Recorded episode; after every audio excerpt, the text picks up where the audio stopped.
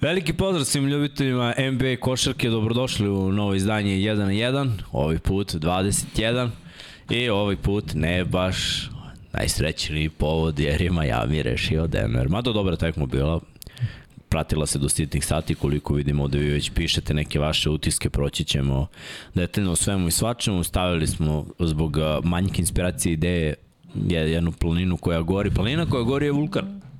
Tako da, eto, došli Može smo... Da. Tri reči smo sad bili u jednu.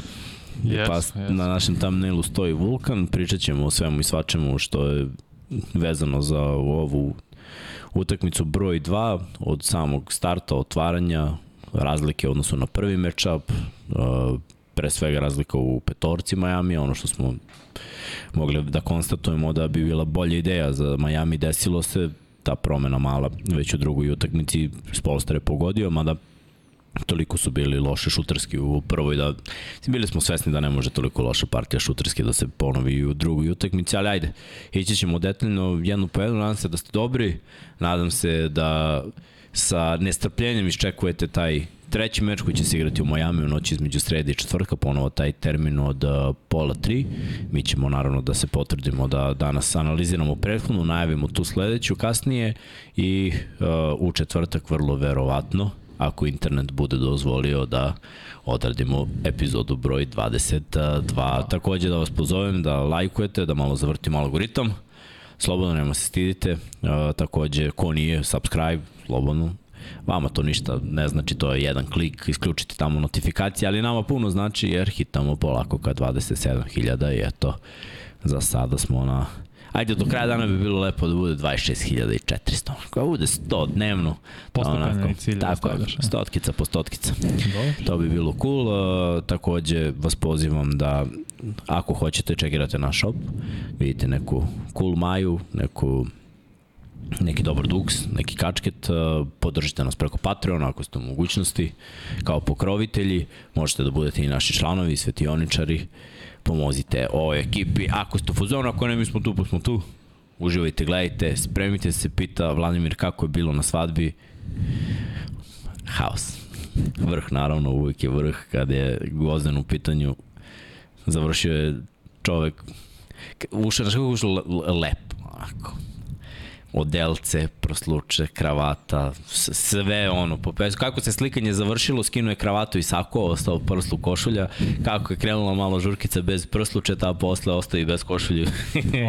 I ja, ja rekao, pa da, to je to, to je to. Bilo je, bilo je zezanje, bio je moj brat Viconi tu, ovaj, koji je radio neku utakmicu, pa je svratio malo kasnije, moj DJ BKO, koji sprema skrečeve za 1 na 1.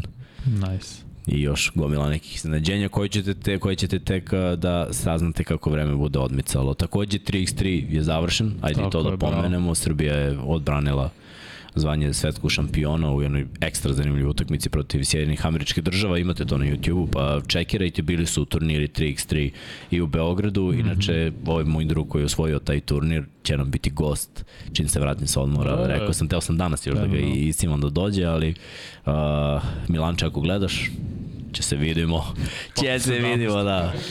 Da, najavljam se. Sad, sad je kasno. Šalim se, nemoj oduševljen, znači bukvalno je bio, vrh, kao treninzi su naš do 3-4 popodne, pa može I, posle, da. rekao, odlično emisija u 6, tamo, završiš trening, iskuliraš, dođeš, odradiš, malo ispromovišemo, mislim da ćemo se po završetku NBA sezone dosta fokusirati na 3x3 i na svetsko prvenstvo nakon toga. E, sada da pređemo na ove malo Čekaj, polako, mogu da dođem do reči, stani, stani. Da, da, spori, da. Spori, da. spori. Si gledao 3 3 Mislim, bio je fenomenalno, stvarno, ja u finale, da, da. 19-15 gubimo i ovo, mislim, Jimmer Fredet, inače, mnogi ga vratno i znaju, zato što je igrao i NBA nešto kratko na koleđu, je dominirao, ali on stvarno dečko ne može, ali na kraju kad je bilo najvažnije, stegla se ruka. Stegla se malo ruka i maše neke šuteve, ali ono što sam teo Srđana da pitam, pre nego što odemo na ozbiljnije teme, znaš šta se desilo u nas sutra, ne, ne, dan se ništa nije desilo, ni dan, znaš šta se desilo na sutrašnji dan u istoriji? Vrlo, vrlo važno. Jeste. Tako je. To, to, tako je. Znaš koji su pet plaža bili? Juta, Omaha. Dobro. Znam za Juta i za Omahu. Gold. Dobro, na, nabrami. Gold, Sword i? ne znam, Juno. Juno. A, okej.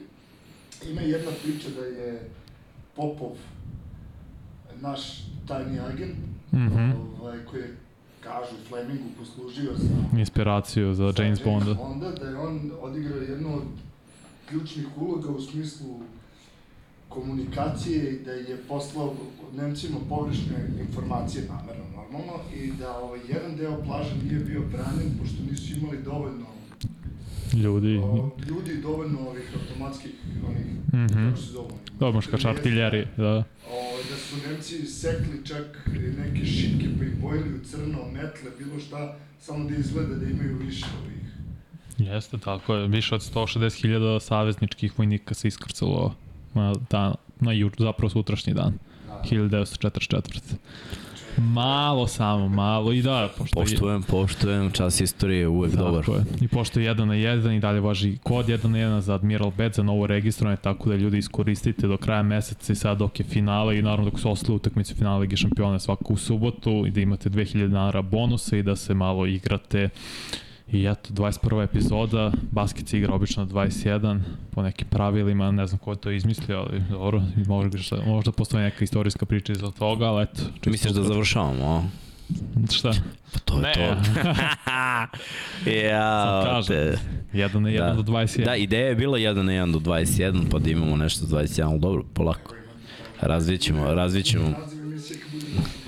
Razvićemo ovaj nešto, debrate, Milanče da nas da nas reši po brzom postupku. Uh, ajde, ajde da se bacimo polako, ali sigurno na tekmu. Uh, Srki pušta je ovamo potpis. Potpis je Miami uzao break. Uh, ekipa Hita je ušla spremnije u ovu utakmicu.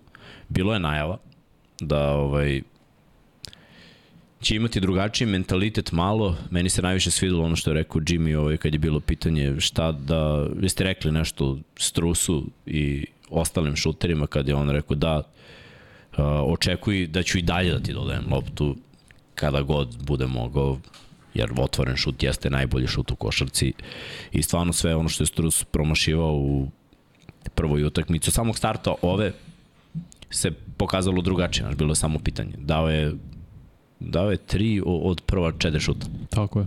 Za tri pojena. Prvo, Kevin Love u startnoj petorci, To je bila velika razlika Kevin Love koji nije igrao u prvoj utakmici. Definitivno znači više, nije značio više što se tiče zaustavljanja Jokića, jer stvarno se pokazalo da to nemoguće uraditi ali ovaj pokazalo se dobro za Miami jer su imali malo više defanzivnog skoka i opet su imali neku širinu jer je Lav zapravo pogodio dve trojke na ovoj utakmici i opet je unuo neku defanzivnu prisutnost. Pritom Denver ušao jako uspavano, defanzivno u ovu utakmicu, u prvoj utakmicu, u prvoj četvrtini, samo 20 pojena bilo je za Miami. Na polovini ove prve četvrtine imali sinoć imali su 21. Znači, bilo je dosta ispadanja, dosta otvorenih šuteva za tri Miami, otvoreni šutevi će kad tad krenuti da se pogađaju.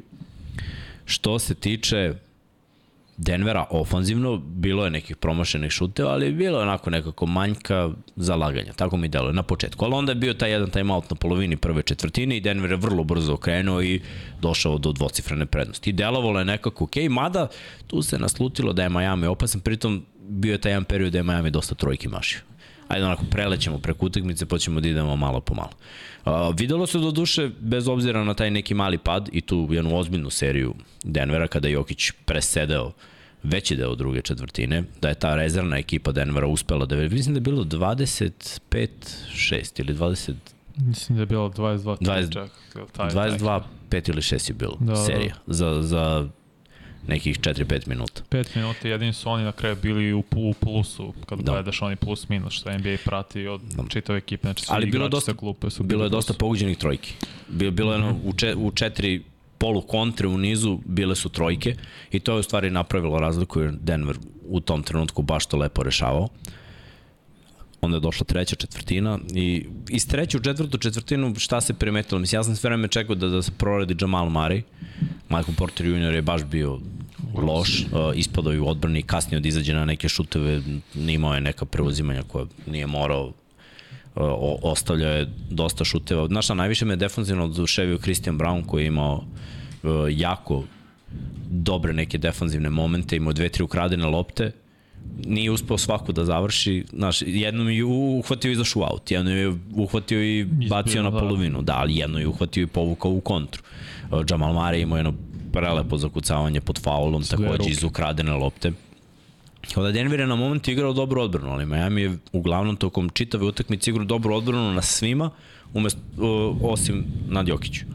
Jer Jokara je opet bez ikakvih problema dolazio na silu do tih nekih svojih pozicija za šut, uspevao da pogodi, bio agresivan iz tih nekih pozicija blizu reketa i uspevao da doda i ali up za backdoor, uh, pa onda ono dodavanje koje je Gordon od ozdo izvukao mm -hmm. na obruč. Međutim, samo kao da je Gordon utrčavao na, te, na ta backdoor dodavanja, falilo je da još neko to učini.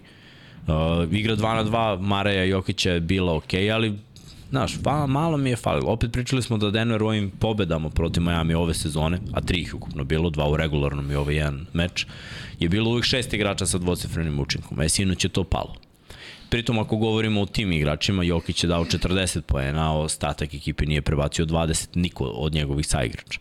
I opet kada god Jokić da 40 poena u ovom play-offu, Denver gubi jer nije imao 10 asistencija, ali nije mogo da ih ima, jer ona dodavanja koje on izbacivao za saigrače, čak i kad su bili otvoreni, poluotvoreni šutevi, to nije ulazilo. I ovaj, to je bio onako najveći problem po mom nekom mišljenju za Denver uz nezalaganje u odbrani, jer jedina energija koju sam vidio, KCP igrao, imao energiju defanzivno. Ofanzivno nije mogao da pogodi, ali imao energiju defanzivno. A, ne, napravio je par, napravio je par, par prekršaja. Odvrtne palo je napravio. Ali je bio tu.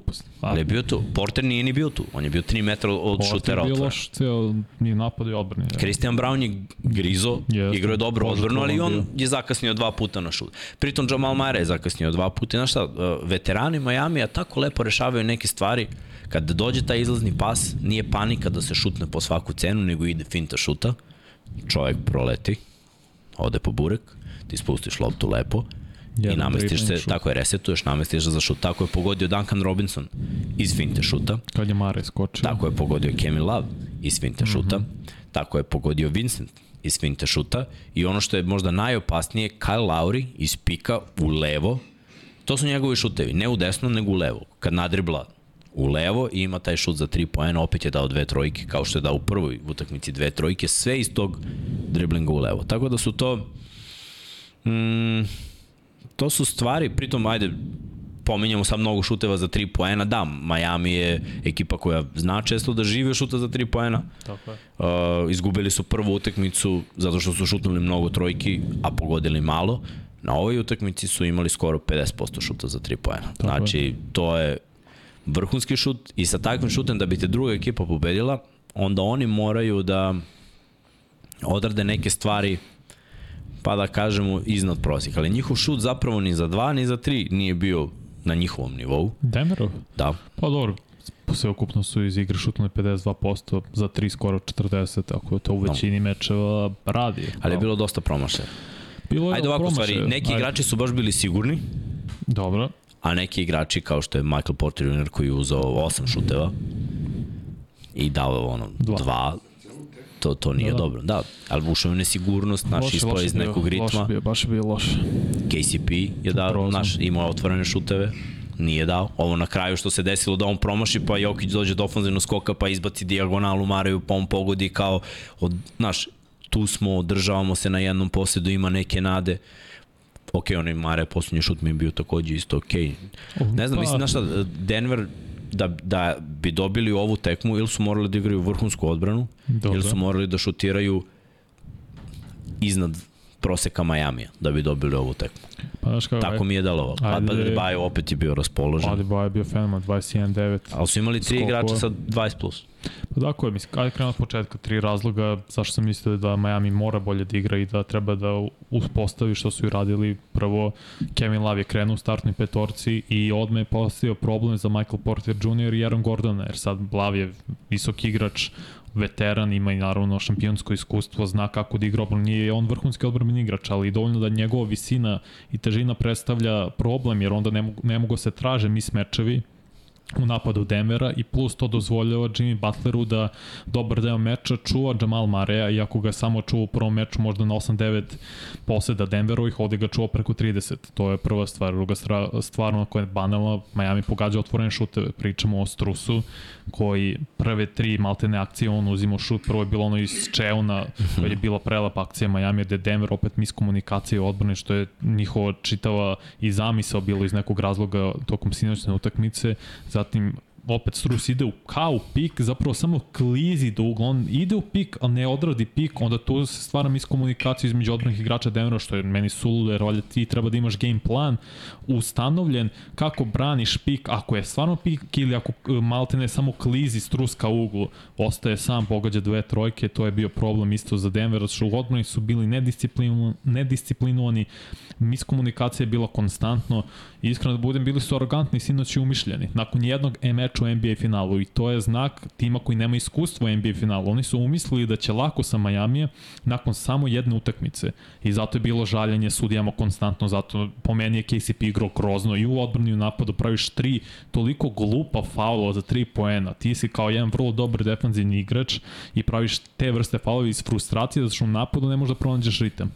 Ali nisam siguran da su mislili Mislim, ubeđen sam da nisu mislili da će lako s Miami. Ne, ali su bili umišljeni.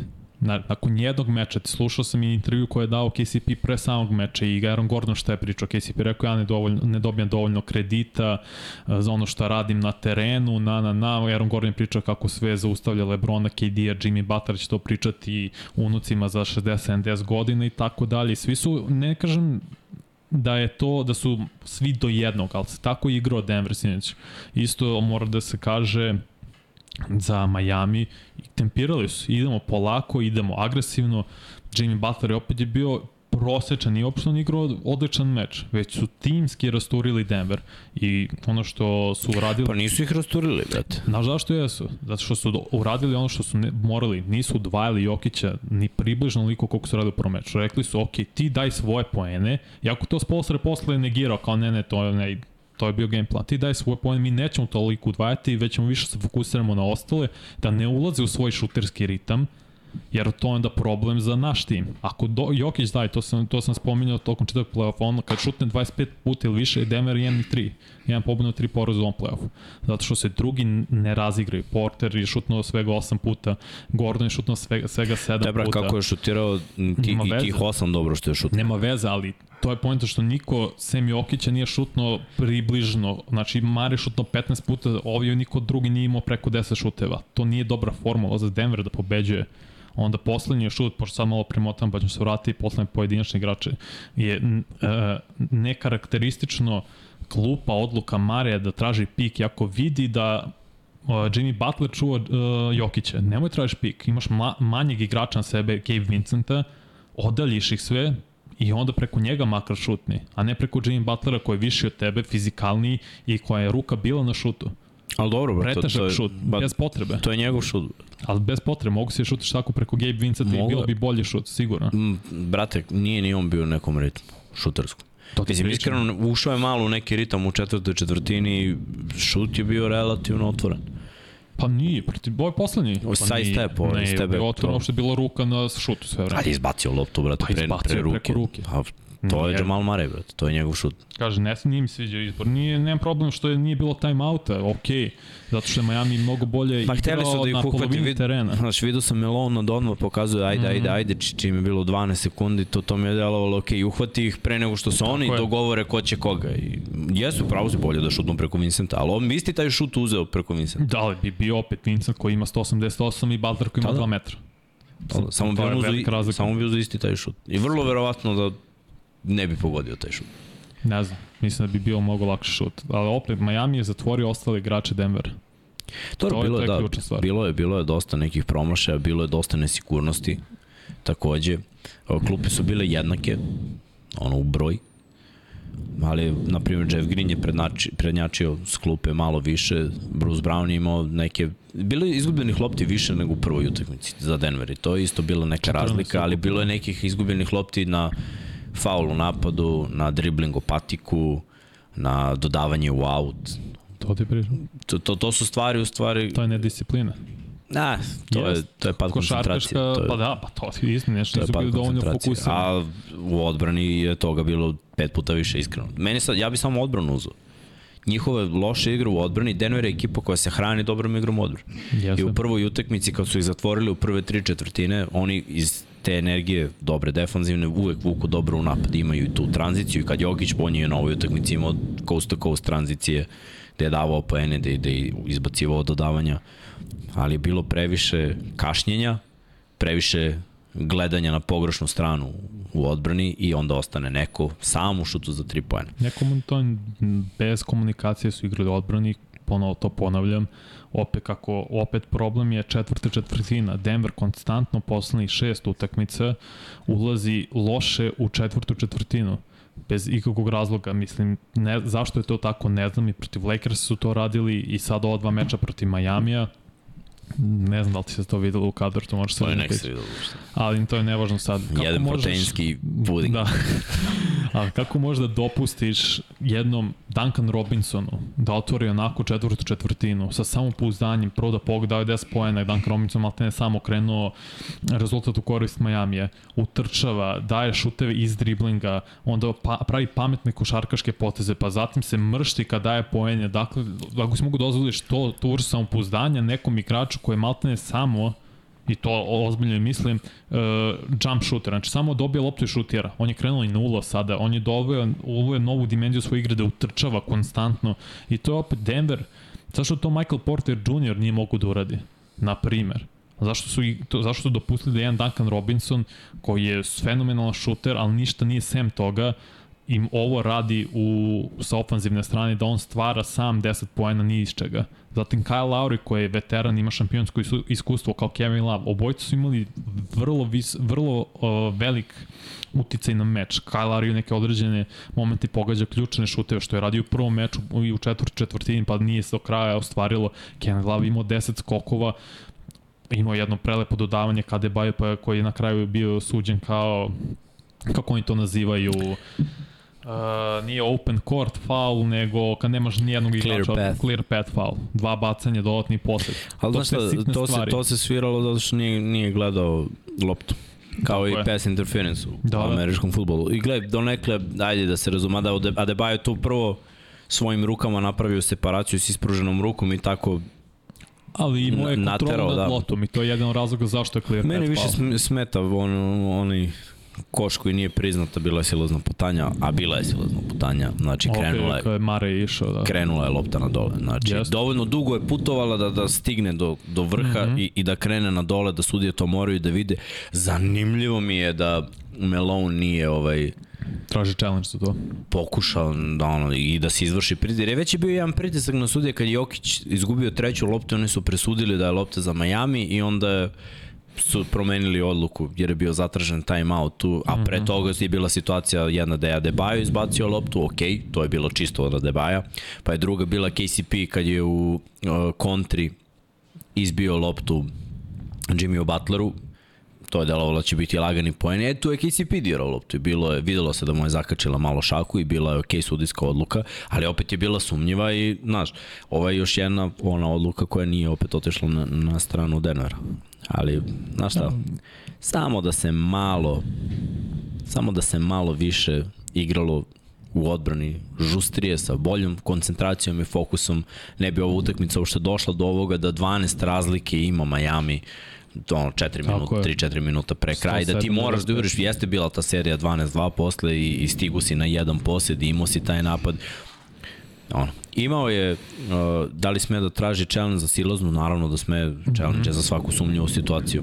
Da, mislim da je imao i to, ne možeš, jedan challenge da možeš traži dva minuta, čini se pred kraj, da. možda slično pravilo kao za NFL, opet Miami igro bolje, čvršće, mentalno, fizički i u odbrani pre svega. I zaslužili su pobede, Denver nije zaslužio juče pobedu uprkos tome što Jokić bio zaista ofanzivno fenomenalno, 28 pojena u drugom polovremenu, Maltene je radio šta je hteo, ali da, pronalazi... kažu, izvini, kažu i Butler što je nagazio na liniju kada je izbacio loptu za, znam, za, za Vincenta. Znam Vincenta, sve znam, mm. sve, sve mi jasno, ali to je odluke nisu presudile meč.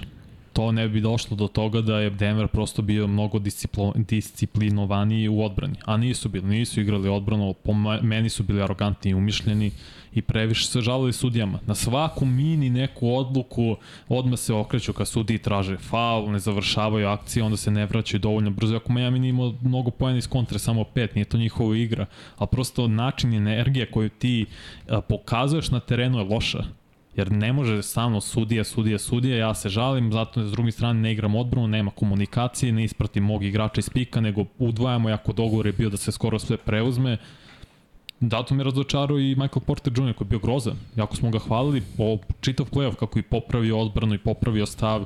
Imao je šest skokova, šesti skok je bio 6.50 do kraja treće četvrtine. Znači on je skoro 17 minuta nimao niti jedan skok za nekog koji ima 2.08. To je neprihvatljivo ne može da mi objasniš kako nek toliko visok čovjek ne može da ima jedan skok, makar još jedan skok, pardon, za 19 minuta u košarki. Sve može. Ajde, ajde malo da se bacimo na individualnu statistiku. Joki 41 poen, 11 skokova, 4 asistencije, 5 izgubljenih lopti, nekarakteristično yes. za uh, Jokaru. Šut iz igre 16 od 28, 2 od 5 za 3 poena, 7 od 8 slobodna bacanja. Sledeći najefikasniji igrač bio je Jamal Murray. Imao je 18 poena, 7 od 15 iz igre, 3 od 8 za 3 poena, 1 od 1 slobodno bacanja, imao je 10 asistencije i 4 skoka. Sledeći 12 poena Aaron Gordon, 5 od 7 iz igre, 2 od 2 za 3 poena, promašio je oba slobodno bacanje u vrlo važnom trenutku. Uh, što se tiče četvrtog igrača i poslednjeg koji je imao dvocifreni učinak bio je to Bruce Brown s klupe s 11 poena, 4 od 9 iz igre, 1 od 3 za 3 poena, 2 od 2 s linije slobodnih bacanja. E sad, uh, Green, rekao sam, je doprinao sa klupe od Bruce Browna i očekujemo ovaj doprinos, ali Green je igrač koji je dao 9 poena i do nekle pokušao da nadomesti neko osustvo Portera juniora koji ima samo 5, Cavell Pope 6, 6 poena za Kristijana Brauna, 3 3 od 3 za, za dva poena, to je rešio lepo i iskreno stvarno je momak stvarno je momak odigrao vrhunski tri ukradene lopte, tri asistencije, jedan skok. Onako, mogu da kažem da, da me on najviše iznenadio jer je uš dobio minutažu i opravdao je sa jednom dobrom energijom, dobrim zalaganjem i prenelo se iz odbrane u napad za njega. Uh, taj neki period koji smo pomenuli videlo se da, da se prenuo i za Denver, ali uh, nisu mogli da nastave tako da igraju do samog kraja i Miami je znao to da se seče nekim pametnim potezima. Yes. Miami uh, takođe samo mhm. četiri, mm -hmm. pardon, pet igrača sa dvocifrenim učinkom, ali uh, četiri iz prve petorke i startne petorke, 23 poena za Vincenta koji je bio najefikasniji, ali je bio mnogo siguran, imao jako dobre promene ritma gde je uglavnom ostavljao defanzivce nakon finte šuta, nakon pika na leđima i on stvarno ima dobar šut i za 3 poena i sa polu distance. 4 od 6 za 3, bio je najbolji šuter ove ekipe, 23 pojena rekoh, 3 asistencije, 21 poen i Adebayo i Butler, s tim što je Butler do toga došao u četvrtoj četvrtini. Adebayo je bio konstantan u samom početku utakmici, te neke poludistance što taktički mu ostavljaju, on je rešavao i na ovoj utakmici. Uh, imao je 8 od 14 Adebayo, 7 od 19 Jimmy Butler, ali obojica 5 od 5 sa linije slobodnih bacanja, a bilo je prekršaja.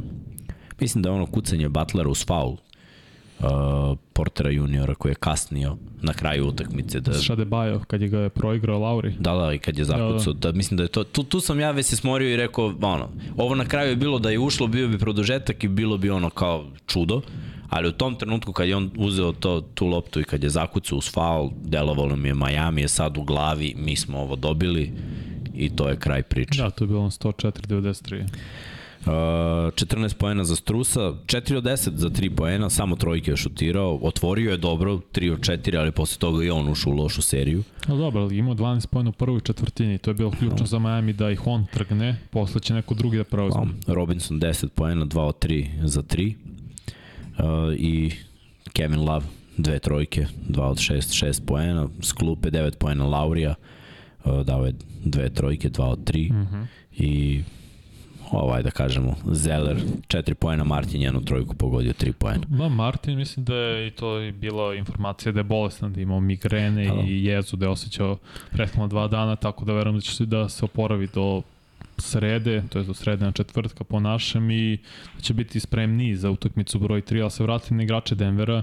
Jokić je inače postao prvi igrač, to je prvi centar koji ima 40-10 i to jest jedan od centara, pridružio se Šeku, Karimu i Viltu s tim brojevima, ali nije dobro raspoređen izbor šuteva Denver. Jokić je osetio potrebu da mora da igra agresivnije, zašto ništa nisu mogli da pogode. Michael Porter Jr. ova dva meča za 3 pojena, mislim šutira 3 od 17. Ja verujem da će on kad tada da se trgne, jer čitav ovaj playoff nije imao onu meč da će da eksplodira za 25 plus pojena, možda se desilo jednom, ali nisam siguran. Tako da to očekujemo od njega i samo da se bolje razdeli lopta. Mislim, vidiš sad ćeš u prvom meču, Gordon je šutno koliko, 11-12 puta, KCP je šutno 6. Te, tehnički nije, nije toliko šutirao koliko je završavao blizu obruča. A sad je imao šuteve, znaš, sad je imao jedan s polu distance. Tad je toj utakmici promašio onu trojku iz levog kornera, mm -hmm. a na ovoj utakmici je dao dve trojke, ali je imao polu distance jer su mu to ostavljali. Znaš, sabili su reket, jer su ubacili lava koja je malo viši. Ostavili su mu ono, 3 metra od koša šutni, brate rešio odatle. To su Lakers radili. I, i, I nije uspeo. E sad, treba, treba poraditi malo na tome. Mislim, jako je teško, pre svega bekovsku ovaj, liniju bi ja više kritikovao, mislim kritikovao, ne možem mi sad njih tu da kritikujem, imaju svi bekovi uspane i padove svoje igre, šta, i Miami je imao svoje padove, pa, pa su odgovorili na najbolji mogući način. Uh, bekovi Denvera moraju da budu agresivniji na lopti defanzivno, i da budu spremniji ofanzivno na proigravanje moraju više da trče, moraju više da rade na tome da se otvore. Bilo je dosta napada gde ponavljaju pik tri puta za redom, a neko ili Ćoškar ili Blej i, i to je to. Znaš, nema onih protočavanja kroz reket, nema, nema one lepe igre Denvera. Gledaj, čak i u ovu vrhunsku odbranu Miami ti možeš da rešiš sa blokovima bez lopte, sa nekim istrčavanjima, utrž, da ne bude sve iz pika i uručenja. Na kraju se svelo na to, Jokić kad vidi da je 6 sekundi do kraja napada, naravno da će Burazer da kaže meni ovde niko ne može da čuva i da tapne 4-5 puta da ugura nekog u reket i, i da reši sam. Ja sad Dobro. sve ono što smo pomenuli ali ono što ne ide na, na ruku Denveru Miami, kad on igra tako. Pa da, ono što je Miami sjajno radi u odbrani, to je sve pohvala za sponsora, je napravio takvu šemu, da je bilo dosta i zone i mešanja, to je miksovanja sa jedan na jedan odbranom. Ali bilo je vanje mnogo otvorenih šuteva koje vi nisu pogodili. Kao nešto Kao ni Miami u prvi, tako, tako je. je. Ali ono što zona je za, o, oduzela Denveru jeste taj igra pick and rolla Marija i Jokića u četvrtu četvrtini pogotovo. Zašto mnogo teže u, iz zone, pogotovo zonu koju Meam igra koja je ta čuvena match-up zona gde zapravo ne braniš zonu nego čuvaš čoveka koji je najbliži tebi u suštini. I onda kad on preda loptu, ti se vratiš od tu kao svoju zonu, pa onda sledeći i tako dalje i tako dalje. Nisu mogli da razviju pick and roll igru Jokić i Mari zbog toga, jer je često neko bio na 45, to je pardon na kod bacanja da Jokić čeka loptu, uglavnom ma, manji igrač, i ne mogu iz toga da razviju lepo pik. I to je Spolstra sjajno napravio defensivnu šemu i naravno pohvali za igrače Miami koji su to sproveli u delo ali mi opet delo je da uprkos tome što je Miami odigrao fenomenalan meč skoro, možda nisu najbolji igrači, aludiram na Jimmy Butlera koji opet imalo šut iz igra, ali kad je bilo potrebno i neophodno on je pogađao ključne šuteve. 7 od 19 si rekao iz igre. Ali s druge strane, ovo je, Miami ne znam da li može da šutira bolje od ovoga, ali Denver znam da može da igra bolje u odbrani. Opet je bilo blizu utakmice na 3 poena. Možda Dobro, obe ekipe, produžetak. Obe ekipe su vodile 12. Minimalno, da. Da, da. Denver imao 15, on Mislim, ne, 50, nego 35. Miami imao najviše 12, a Denver mm -hmm. imao 15, mm -hmm. a, i možda malo više od 15, ali mislim da je bilo 15, 15 je bilo max, par navrata. 50, 35, ja mislim da je to bilo najviše, nisam sigurno ali, da ovaj, znaš, to, to govori da, da je utekmice imalo uspon i padu. Mislim, Miami je dobio prvu četvrtinu 26-23, ali su je otvorili mnogo bolje, pa je finish bio slab. Mm -hmm. Denver je rasturio u drugoj četvrtini, 34-25 je bilo tu pritom sa velikom pauzom Jokića, pa su dobili i treću 26-24, ali onda 36 poena da primiš u četvrtini. I opet, 36 poena, izvijem što prekinem, na 19 poseda je Miami dao 36 poena. To je, ja ne znam kad se to poslednji put desilo, iskreno. Još su šutnuli 69% iz igre da. u četvrti. To, ali Pazi, to je problem ali Denvera stalno. Postoji drug, drugi razlog. Uh, 9-21 je bilo do kraja četvrte četvrtine kad je Denver ispunio bonus. To je, brate, u Evropi skoro cela četvrtina. Znači ti samo treba budeš agresivan, imaš bacanja, mm -hmm. a da ne bi kao bilo toliko lako, oni skupe odbranu, ti izbaciš pas i neko je sam s polja. A kako da objasnim te problem Mislim, bilo, bili su glupavi. Jokić je napravio tri faula za minut. Od toga jedan u napadu, jednom je ošamario Adebayo, jednom je... Iz frustracije to bilo. Ne, sam, to mora samo, mislim, mi ne moramo mi da provalimo ništa, nego to mora uh, Michael Meloni, njegov coaching staff, njegovi asistenti da provale u čemu je razlika i zašto Denver stalno četvrt, četvrtinu loša otvara i da je postiže minimal, mislim, ne minimal, minimalan broj poena, ali mali broj poena za njihov standard. Njihova igra kao da se izduva početkom četvrte četvrtine i sami sebe ubacite problemi, njih timovi stižu, nekad i prestignu i pobede I to mora se promeniti. Da li je to do inspiracije igrača, da li, moraš, da, da li ti moraš kao trener da ih trgneš, što je meni banalno da ti moraš nekoga u profesionalnog igrača da ubeđaš da igra čvršće, ali ne znam šta je, ne znam u čemu je stvar. Zašto Denver stalno četvr, četvrtinu otvara loše i postiže mali broj poena kad je najneophodnije? A nisu stvorili sad, mislim imali su prednost od 8 poena opet i nestala je u roku od 2 minuta. No, razloga je bilo mnogo. Sve ovo što smo pomenuli. Manje više. Ali dobro. I start nije baš bio video. Ajde i to da kažem. Koliko je bio bilo 7-0, tako su otvorili. Miami. Mislim da je 7-0 bilo. Da, pa je onda bilo 10-2. Mislim, Denver je obomašao svojih prvih četiri šuteva, čini mi se, Miami pogađaju i, kažem, igrali su disciplinovano, šute, uzimali su dalje šuteve koje su uzimali u prvom meču, samo sad pogađali.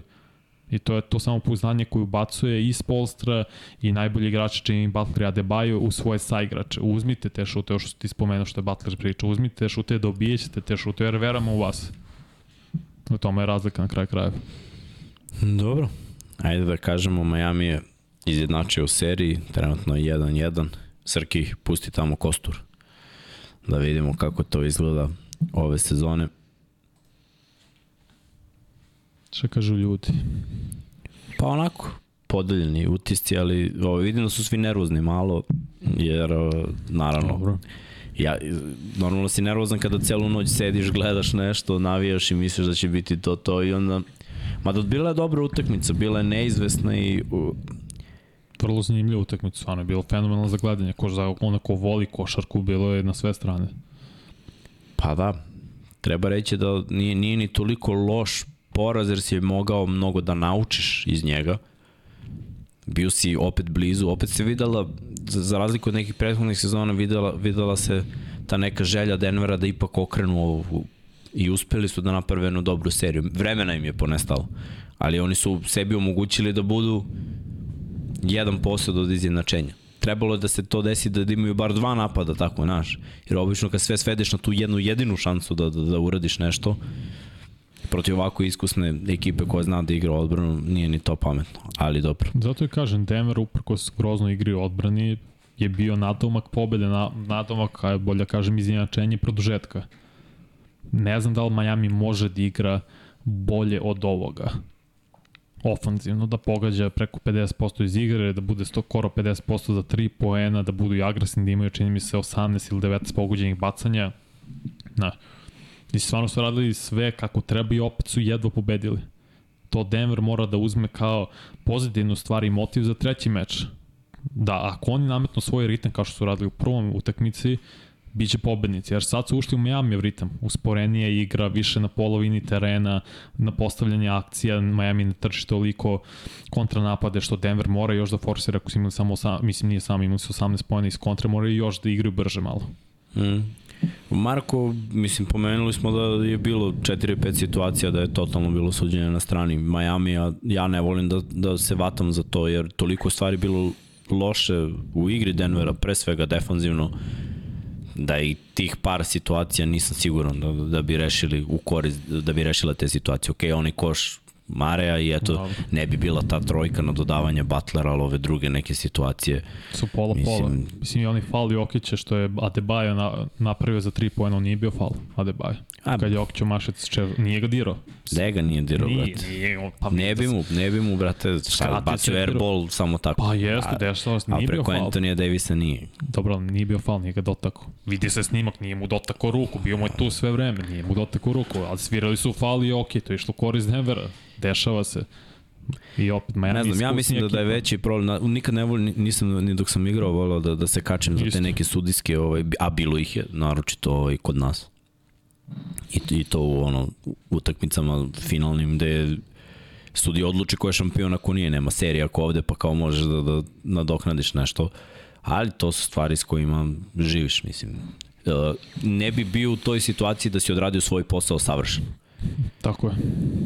Tako da, on, šta znam, mogli su, mogli su da odrade posao svoj malo bolje, malo bolje. Ali uh, ima, ima i dalje mnogo, mnogo načina da, da se sve to ispravi.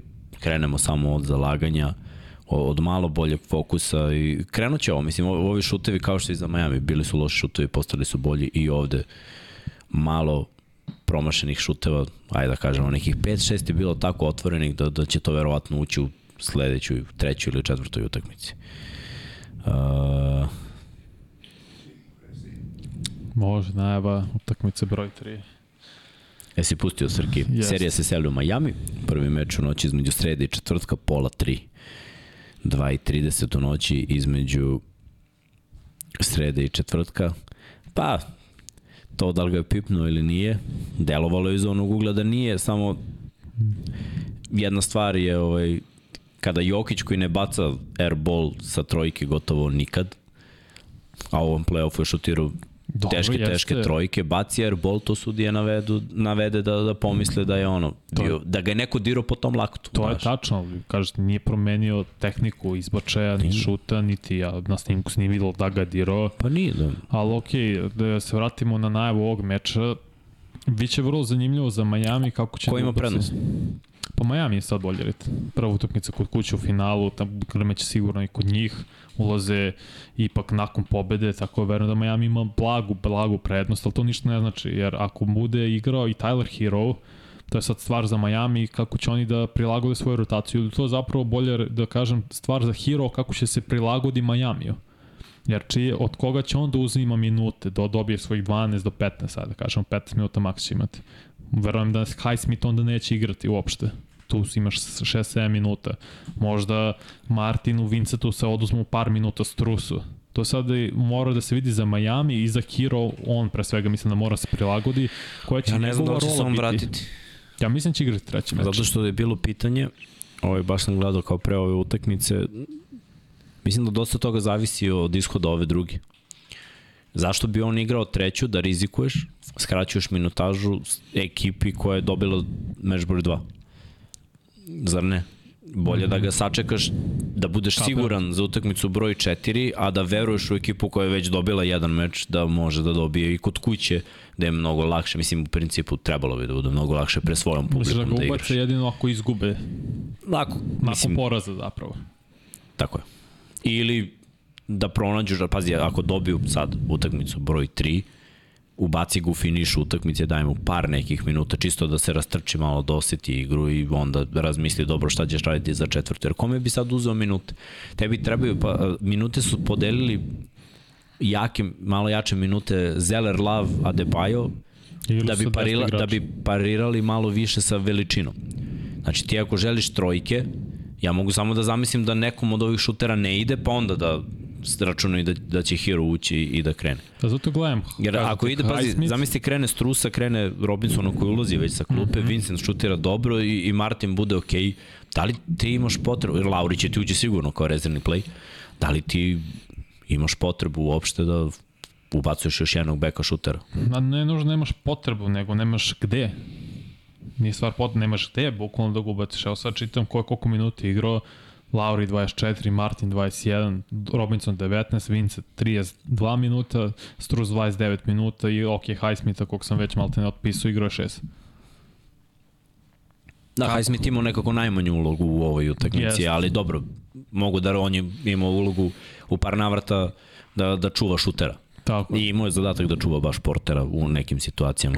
Teško je, teško, mislim, vidjet ćemo kako će Spolstar da se ajde nazovi igra sa rotacijom i kako će najbolje da prilagodi Tyler Hero, ali ne mogu kažem za neko ko je beležio 20 poena u regularnom delu sezone 6 i igrač, to je svoje nagradu šesto igrača prošle godine, da nije važan šraf jednog tima. Pogotovo još, još neki igrač koji može sam za sebe da stvara šuteve pored Jimmy Butlera, pored Vincenta to Miami nema puno toga. Može Caleb Martin u neku ruku, ali to Tyler Hero ipak radi bolje i zato igra i igrao je naravno u regularnom delu sa više minuta. Što radi češće, konstantnije to i prosto bolje stvara. I eto još jedan igrač koji može za sebe da stvori. To je plus za Miami. Sa kako će da se ubaci u rotaciju, to je pitanje za njih. A za Denver, vrati se igri u prvom meču, pre svega u odbrane.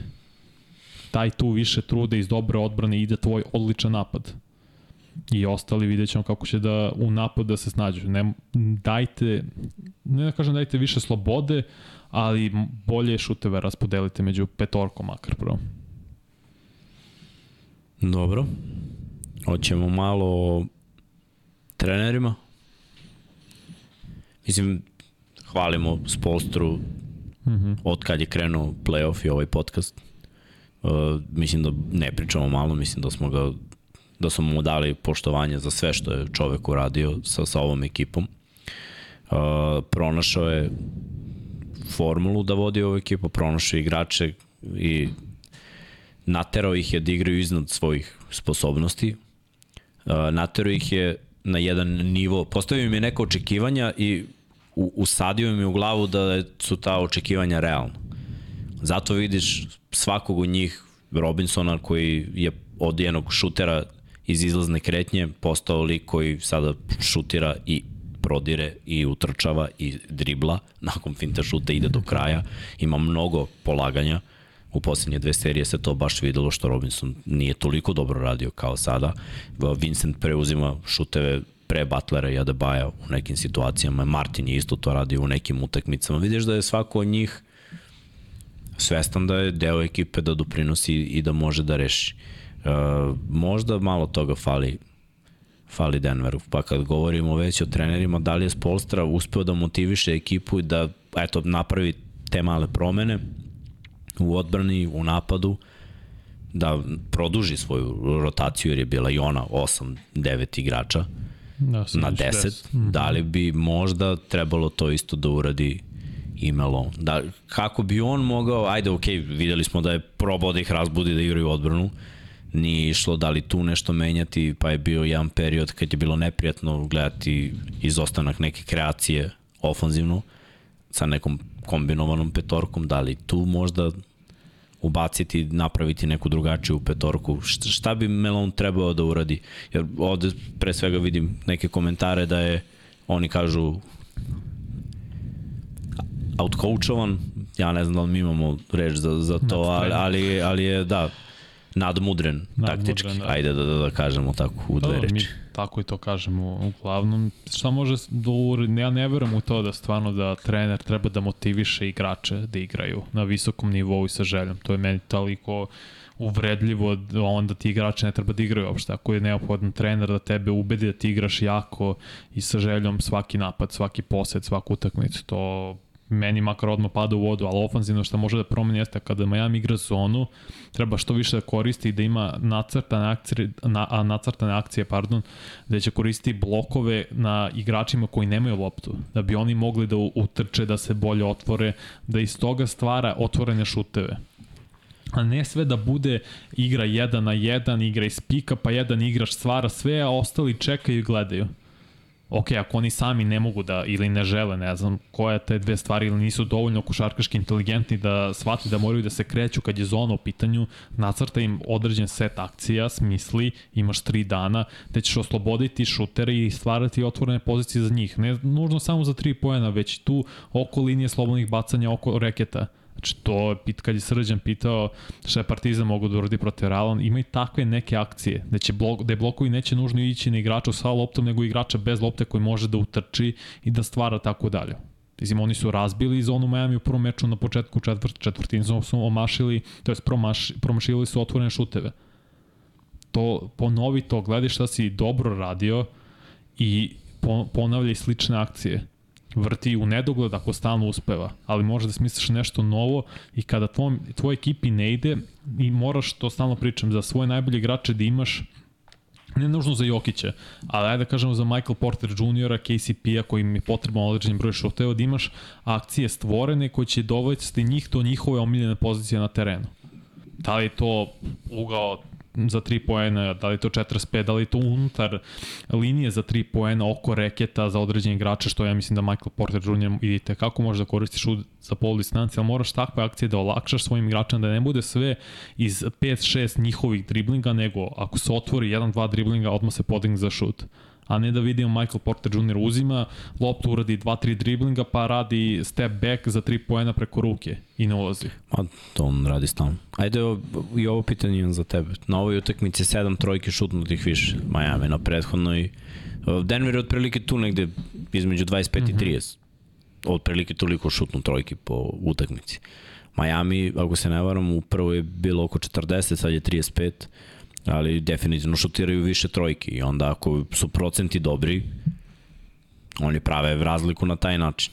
Da li Denver možda treba da pronađe još jednog čoveka koji je šuter u ovoj rotaciji možda i da probaju na taj način da, da dobiju još neki otvor, ili pazi čak da, da ne prošire rotaciju, da ostave ovu rotaciju od 8, ali da uzmu pojedinim akcijama još koji šut za 3 više.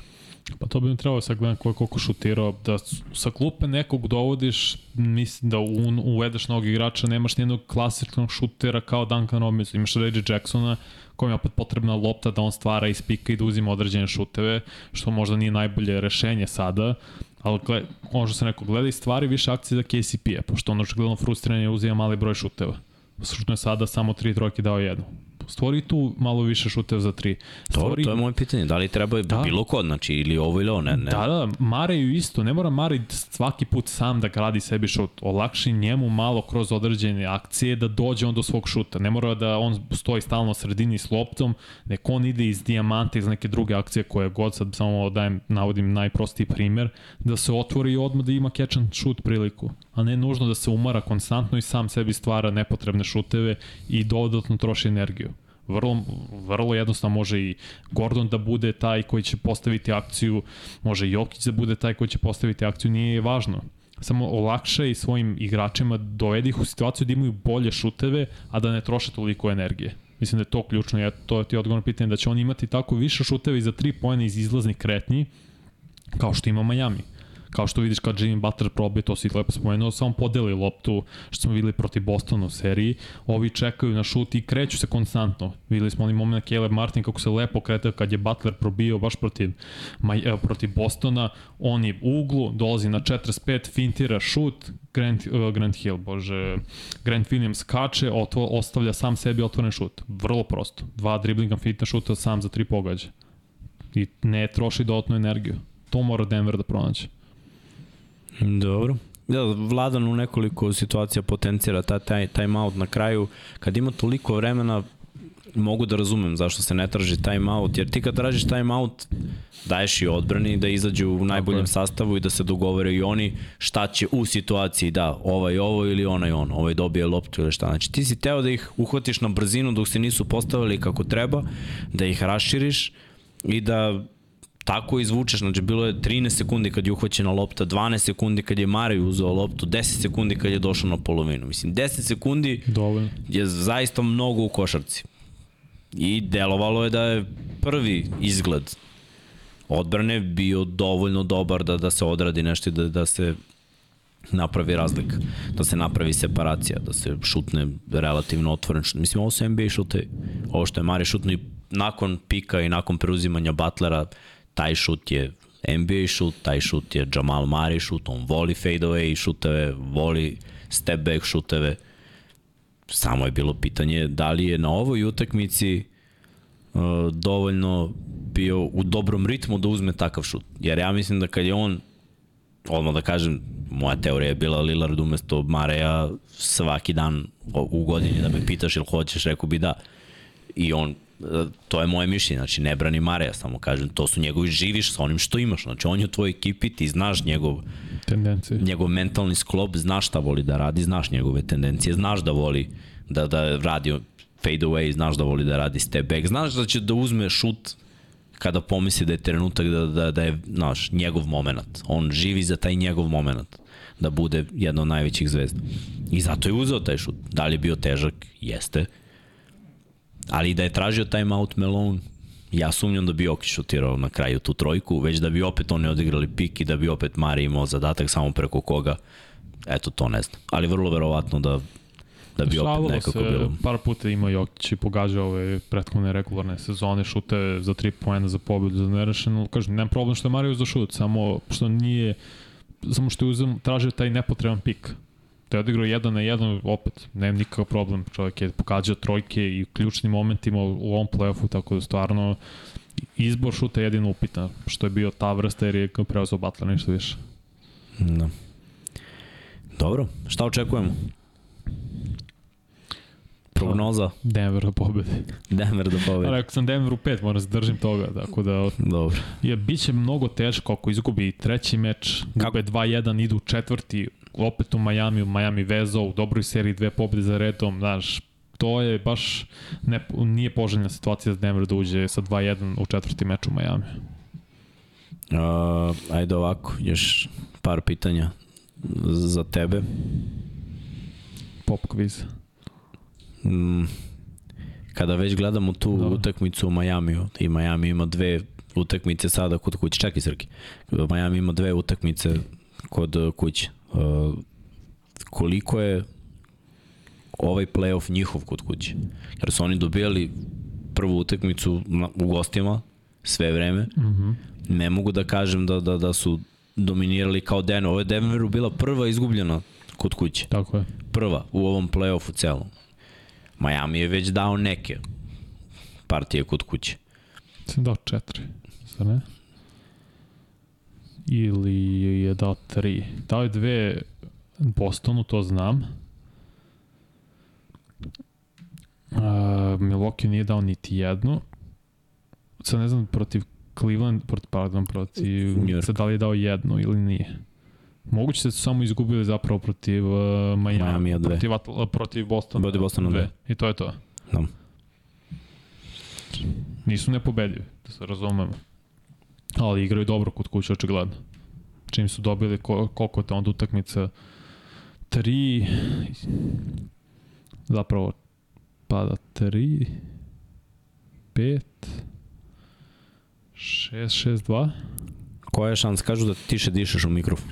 Ja? Da. Pa ne mogu tiše da dišem. Pa li pričaš, pričaš, da.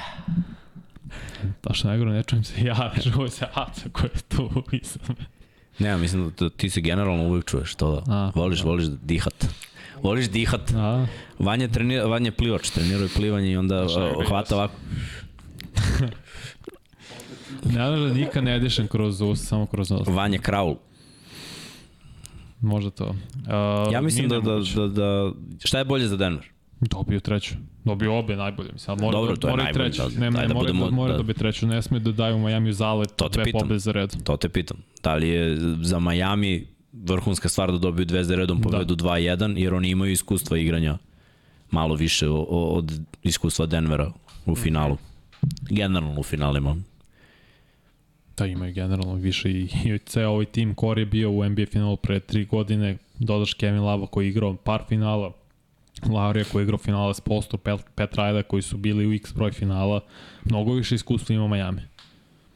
Tako da nemoj, samo ne, ne sme da se dozvoli da dobiju treći meč da imaju taj zalet, jer vrlo verovatno će onda biti veliki favoriti za četvrti meč. Ako gubiš 3-1, ne znam da li može da se vratiš iz toga. Samo se Cleveland vratio te čuvene 2016. ali ne znam, vidjet ćemo. I mislim, ljudi ako su razočani zašto nije bio sweep, čišćenje, samo je bilo četiri puta čiš, čišćenje u NBA finalima, poslednjih 33 godine.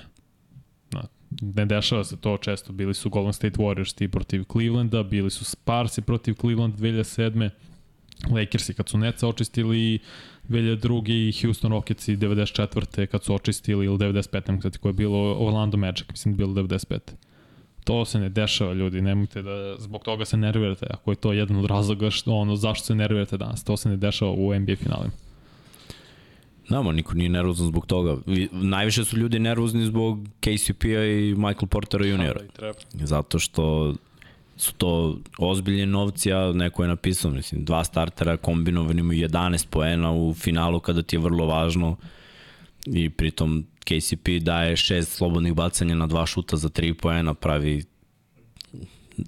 prekršaj koje veteran ne bi trebalo da, da napravi, a Porter kasni na svaku trojku. Pa dobro, znači, i Miami u prvom meču, mislim, ovo dvoj, trojice su imali 2 23 šut iz igre. Mm. Robinson, Strus i Caleb Martin. Biće, biće to, biće to drugačije, biće to bolje. Nikad ne mislim, redko koja ekipa, naročito koja je igrala ovako, kao što je Denver odradio ovaj playoff, veže dve utakmice sa manjkom zalaganja. Mm -hmm. Ako se to desi na ovoj utakmici, tad mislim da će biti problem. Sad ne mislim da je problem, to jednostavno se desilo. Možda pad koncentracije, malo pad forme, možda malo umor. Znaš, 10 dana blejiš i onda u 3 dana odigraš dve utakmice, možda ih je to malo stiglo, Miami u nekom boljem ritmu. Pritom su izgubili prvu i znali su da moraju da reše ovu drugu, mislim. 2-0 da gubiš od, od Denvera i ti ideš kući, gde nisi toliko dominantan kao što je Denver, to bi možda i bio problem. Uh, komentar na loše suđenje, pa ono, Nije, nije bilo loše. toliko loše, nije to dobilo tekmu za Miami. Ja ne znam zašto mi, kažem mi, mi Srbi generalno imamo tu tendencije, svaki put se hvatamo za sudije u bilo kom sportu. Mislim, da je, mislim da je regionalno. Re, moguće da si pravo da je regionalno. Balkanski Brate, imali su skoro 50% šuta za 3 pojena i otvorene šute, mislim, zato su pobedili. Ne smeš da im ostaviš to. Uh, ajde, da, možemo da pucamo Srki sa pitanjima pitanjima i odgovorima. Pre toga Srki pušta, a ja apelujem još jednom ljudi, ako možete da svi zajedno probamo, ako smo u mogućnosti da pomognemo Jovani, da skupimo što je više novca moguće. Jovana je operisana, ali i dalje tu mnogo para treba za njeno lečenje. 1492 na 30 30. Sve ono što je došlo u donacijama mi prosleđujemo i šaljemo Jovan, a koju mogućnosti da pusti SMS, 200 dinara je cena tog SMS-a na 1492 na 3030, pa da učinimo jedno dobro delo i, i da pomognemo. Ako uh, ste voljni da pomognete, pogledajte Budi Human fondaciju i ima tu mnogo, mnogo i mališana i, i ljudi kojima možete da pomognete. Pa eto, da uradimo nešto lepo i mi kad nema ko drugi. Ajde da se bacimo na pitanje i odgovore i da vidim šta vi imate da pitate nas. Kaže Marko Terzić, F nas čitav život kako da nemamo tendencije. nije, da, nije da nije istina. Šta mislite, ali moguće da Vincent bude MVP finala ukoliko Miami uzme? Konstantan je bio prve dve, pa teška priča jer MVP velikog finala gotovo uvek bude neka zvezda. Uh, za sada iz ekipe Majamija deluje mi da je Adebayo bliži Slavim tome jer je imao preko 20 u obe utakmici, nije imao bio najbolji strelac sa 26 u prvoj i u ovoj utakmici imao 21 i radi on dobar posao, ima, ako bi bio to tako konstantan do kraja, mislim da je on onako veća zvezda, naravno Jimmy ako eksplodira, delo mi da će biti između njih. Ne mogu da se setim kad je MVP finala bio neko ko nije... Andrej Kudala. I Kawhi Leonard, ali to je de defanzivni doprinos koji Vincent ne... Ovde nema defanzivca osim od Debaja i Butlera koji bi mm -hmm. mogu zahvaljujući defanzivnim da, da, dobrim partijama da bude, jer Kavaj je, kad je bio MVP finala u San Antoniju, bio pre svega zato što je dono defanzivno grmeo, nije bio najbolji ofanzivni igrač. Nije, nije. Kada je Guadala bio, ja mislim da je veći doprinos bio defanzivno, jer je on uspeo, čuje Lebrona i uspeo je donekle da, da pomogne da se to neutrališe, zatvori. Kad je on bio ubačen u prvu petorku, totalno promenila čitavu seriju. Tako je. Ne znam da li je bilo, razmišljam sad koje je prethodne godine osvajao, I... Jer Vincent nije defanzivno toliko dobro, radi on posao nije, dobar, ali on je ofanzivno konstantan. A da bi ofanzivno bio MVP, nekako mi u glavi da to stvarno mora da grmi više od ovoga što, pa što je on da pokazao prve dve utakmice. Pojena, mislim, u proseku. Ne znam koji, mislim, ne mogu da se setim bio je James Worthy sa Lakersima 87 ili kada je to već bilo. Mislim da bio i Joe Dumars isto za Pistoncima jedne godine kad su svojili. Možda čak i bio Kevin McHale sa Celticsima, ali baš se to redko, redko kad dešava. Ko je bio za Pistonce? Billups je bilo tako, kao najbolji igrač, stvar ne? 2004. Tako da ono, 2005. mislim bio Duncan ili Tony Parker, neko njih dvojica, nisi sigurno ni No, uglavnom, takođe. uglavnom je Zvezda. Da, da, da. Zvezda ili neko ko izgrmeo defanzivno. Baš se, baš je to redko kad dešava. Nisam siguran. Ajde, ajde da odgovorimo na drugo pitanje. Ako Denver izgubi finale, da li je vreme da se Melon smeni? Ne, da. apsolutno ne, jer onda bi se promenila čitava filozofija. Opet, mi smo već pričali da je ovo neki prozor od 2-3 godine za Denver, jer su tačno sada ekipa koja ima iskustva i ekipa koja može da dve, tri godine ostavi istu Tako ekipu je. i da napadne, ako ne ove godine, već Naravno. sledeće. Mislim, ovo je njima prvo ovaj finale. Upravo to. I Strpljenje. pazi, stigli su do velikog finala prvo u istoriji franšize i izgubili su jednu utakmicu, dobili su prvu, izgubili su drugu, znači tek je 1-1, ima mnogo da se igra. Melon nije imao, ne mogu da krivim trenera zašto igrači u pojedinim momentima spavaju i nizlaze na šut i preleću na fintu šuta. Nije to samo njegova krivica. Znači, bilo je tu mnogo više, čini mi se, zbog loše odbrane i pada koncentracije. Ja bih rekao da je to glavni razlog ovog poraza, jer je Denver ekipa koja se hrani time što, što radi u odbrani. Tako, ba strpljenje ljudi, polako.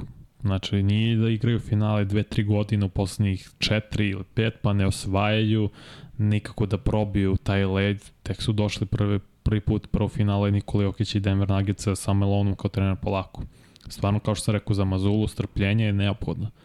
Znači, bit će uspeha, samo ne, ne možete trener, da trenera smenite nakon jednog neuspešnog NBA finala. A još ni ne znamo da li je neuspešno ili nije.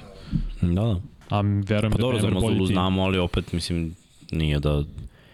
Onda ćeš ići u nedogled sa novim trenerima, Znaš, koliko ti treba vremena ti da sačekaš da ubodeš trenera i on osvoji, kao, ko, kakav god kao ti Steve da imaš.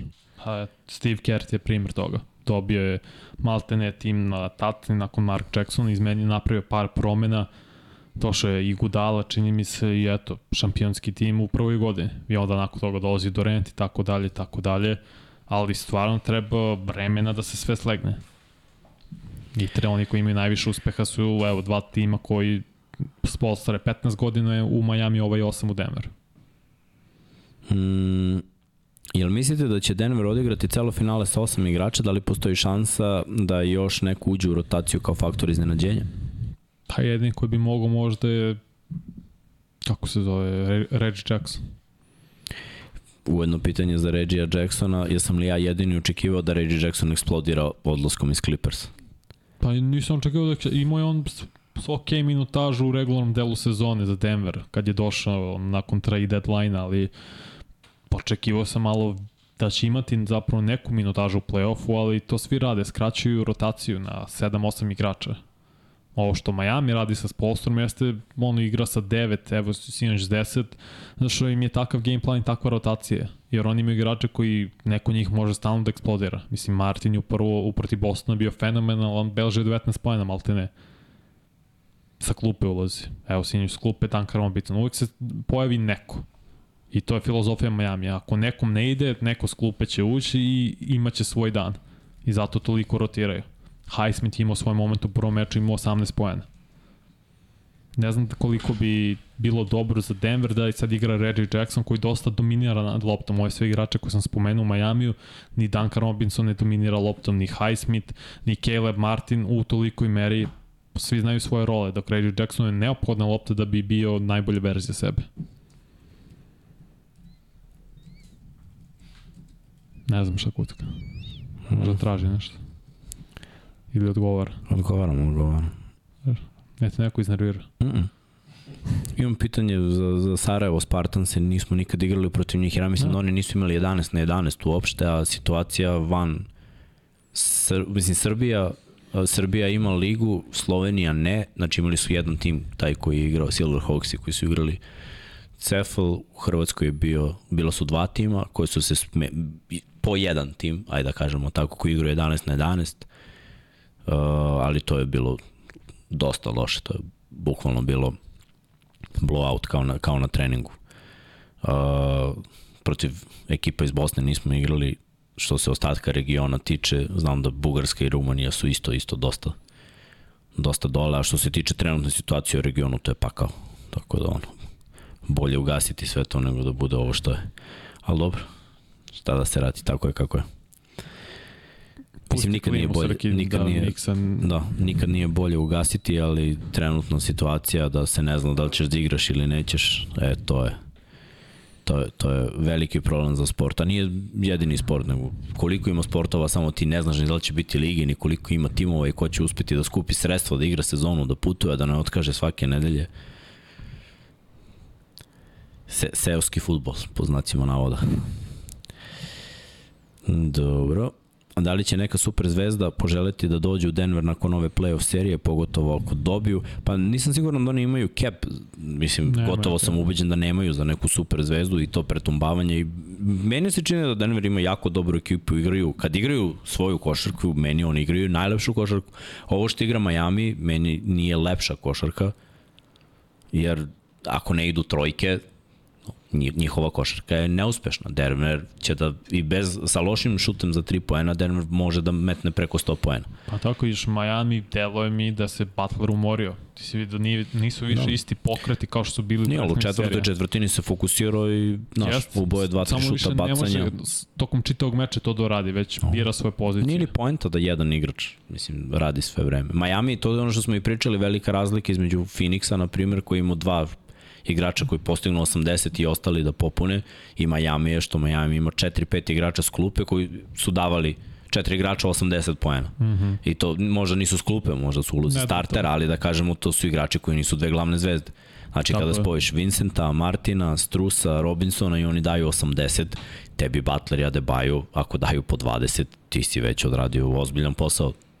Tako je. I ne treba svrti na drugo pitanje Denveru super zvezda. Ljudi, to je... Super zvezda ima Jokić, šta će Tako je, najveća super zvezda koju imaju... Da, Ne, to i oni imaju, Mare je all-star kalibar igrač, ako nikad nije bio na all-staru, on tako igra u play-offu. Gordon je vrlo dobar starter, takođe i Michael Porter Jr. koji sam sebi možda kreira, sad ga ne ide šut, mislim da će proraditi. Imaju vrhunski tim I to je najbitnije samo da vrate sledeću godinu Bruce Browna, što verujem da hoće i oni opet ostaje ovaj isti tim. Ne treba da super zvezda, to je prelazimo iz tog perioda da, ti je neophodno 2-3 All-Star, to je zapravo 3 ili više All-Star igrača. Sad se vraća ponovo poma, polako na da imaš dvojicu odličnih igrača i dobar kor oko njih. Nema više da imaš 3-4 All-Star igrača na jednom timu. Sad se više, sad se liga pomera u drugom pravcu, tako da ne, nema potrebe uopšte da super zvezda. I koga bi ti sad uklopio? Ja ne bih, iskreno. Ne, mislim, meni se stvarno, meni se stvarno ti, ti... sviđa ovo što igraju, ja kažem, ja sam jedinu zamerku u sinoćnoj utakmici Denvera, jer taj šut dobar i loš, dođe ti dan, mislim, dođe ti dan kada ne možeš pogodiš ništa. Najbolji šuteri ponekad imaju dan kada ne mogu da pogode ništa, ali uh, sve to, sva ta frustracija zbog lošeg šuta, to bi trebalo da se popravi dobrom odbranom. Jer ako po, promašiš dve, tri trojke, a onda odigraš dve, tri dobre odbrane, nekako ti se podigne moral, podigne ti se samopouzdanje i ta sledeća, taj pas koji dobiješ i kad si sam, vrlo verovatno zbog tog dobrog osjećaja, ta sledeća ulazi. E, to je važno. Ovde je nekako bilo onako loša energija. To ne sme da se desi. Mi opet redke su ekipe bile u istoriji gde ti imaš 4, 5, 6 igrača koji imaju mentalitet, ma sve je dobro, nema vezi i idem dalje. Uvek ima tih uspona i padova. Bila je vrhunska tekma, mislim, na kraju samo 3 pojena razlike, to je dobro za Denver, znaš. Jer da je ostalo onih 10, 12, što je bilo da tu nisu odgovorili kako treba, da nisu stisli odbrane. Znači ovo ti samo pokazuje da oni mogu. I te kako mogu. Imali su plus 15. Iako su loše krenuli, bilo je 10-2 za Miami na otvaranje. Znači oni mogu. Samo treba igrati dobru košarku 48 minuta. E, to je, mm -hmm. to je teško. A sad će im biti malo teže na gostovanju. Mada, pazi, kad je prošao LA dva puta u dve tako neizvesne tekme, gde je isto bilo onako malo sudije za LA, publika, poznate face, pa lobiranje američkih medija za velike Lakers-e koji su naravno jedna od najvećih franšiza. Ti kada sve to prebrudiš i dobijaš te utakmice, mislim, jeste Denver dobio 4-0, ali su tekme sve bile napete. Da, da, ali dobro, Miami ima taj mentalitet kao Denver, možda još više taj mentalitet podcenjenog underdoga, jer oni svaku seriju su ušli kao slabija ekipa u očima mnogih, možda ne protiv Nixa Proti Milwaukee je tako bilo, proti Bostona je tako bilo, sad proti Denvera. Oni ulaze u tu rolu pocenjenog i u fazonu su sad ćemo mi vama da pokažemo. Dok je to Denver bio sve do finala i sad je odjednom Denver uh, favorit. Nije bio protiv Phoenixa favorit.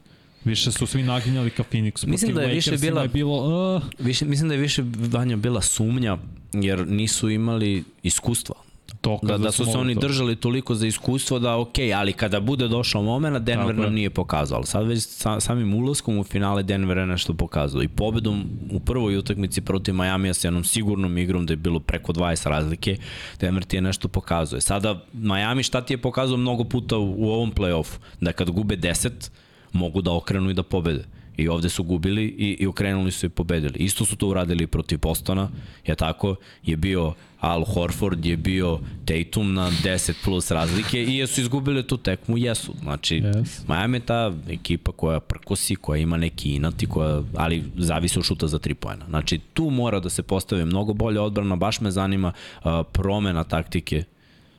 To želim da vidim. Kako će Denver više da oteža šuteve za 3 poena uh, šuterima Miami. Jer Miami ima pet šutera za, za, za tri poena. Nisu svi u istoj petorci, ali u dve petorke, da kažemo, imaju pet ukupno šutera koji, koji možda nemaju vrhunske procente, ali svako od njih je sposoban da, da šutne između 5 i 10.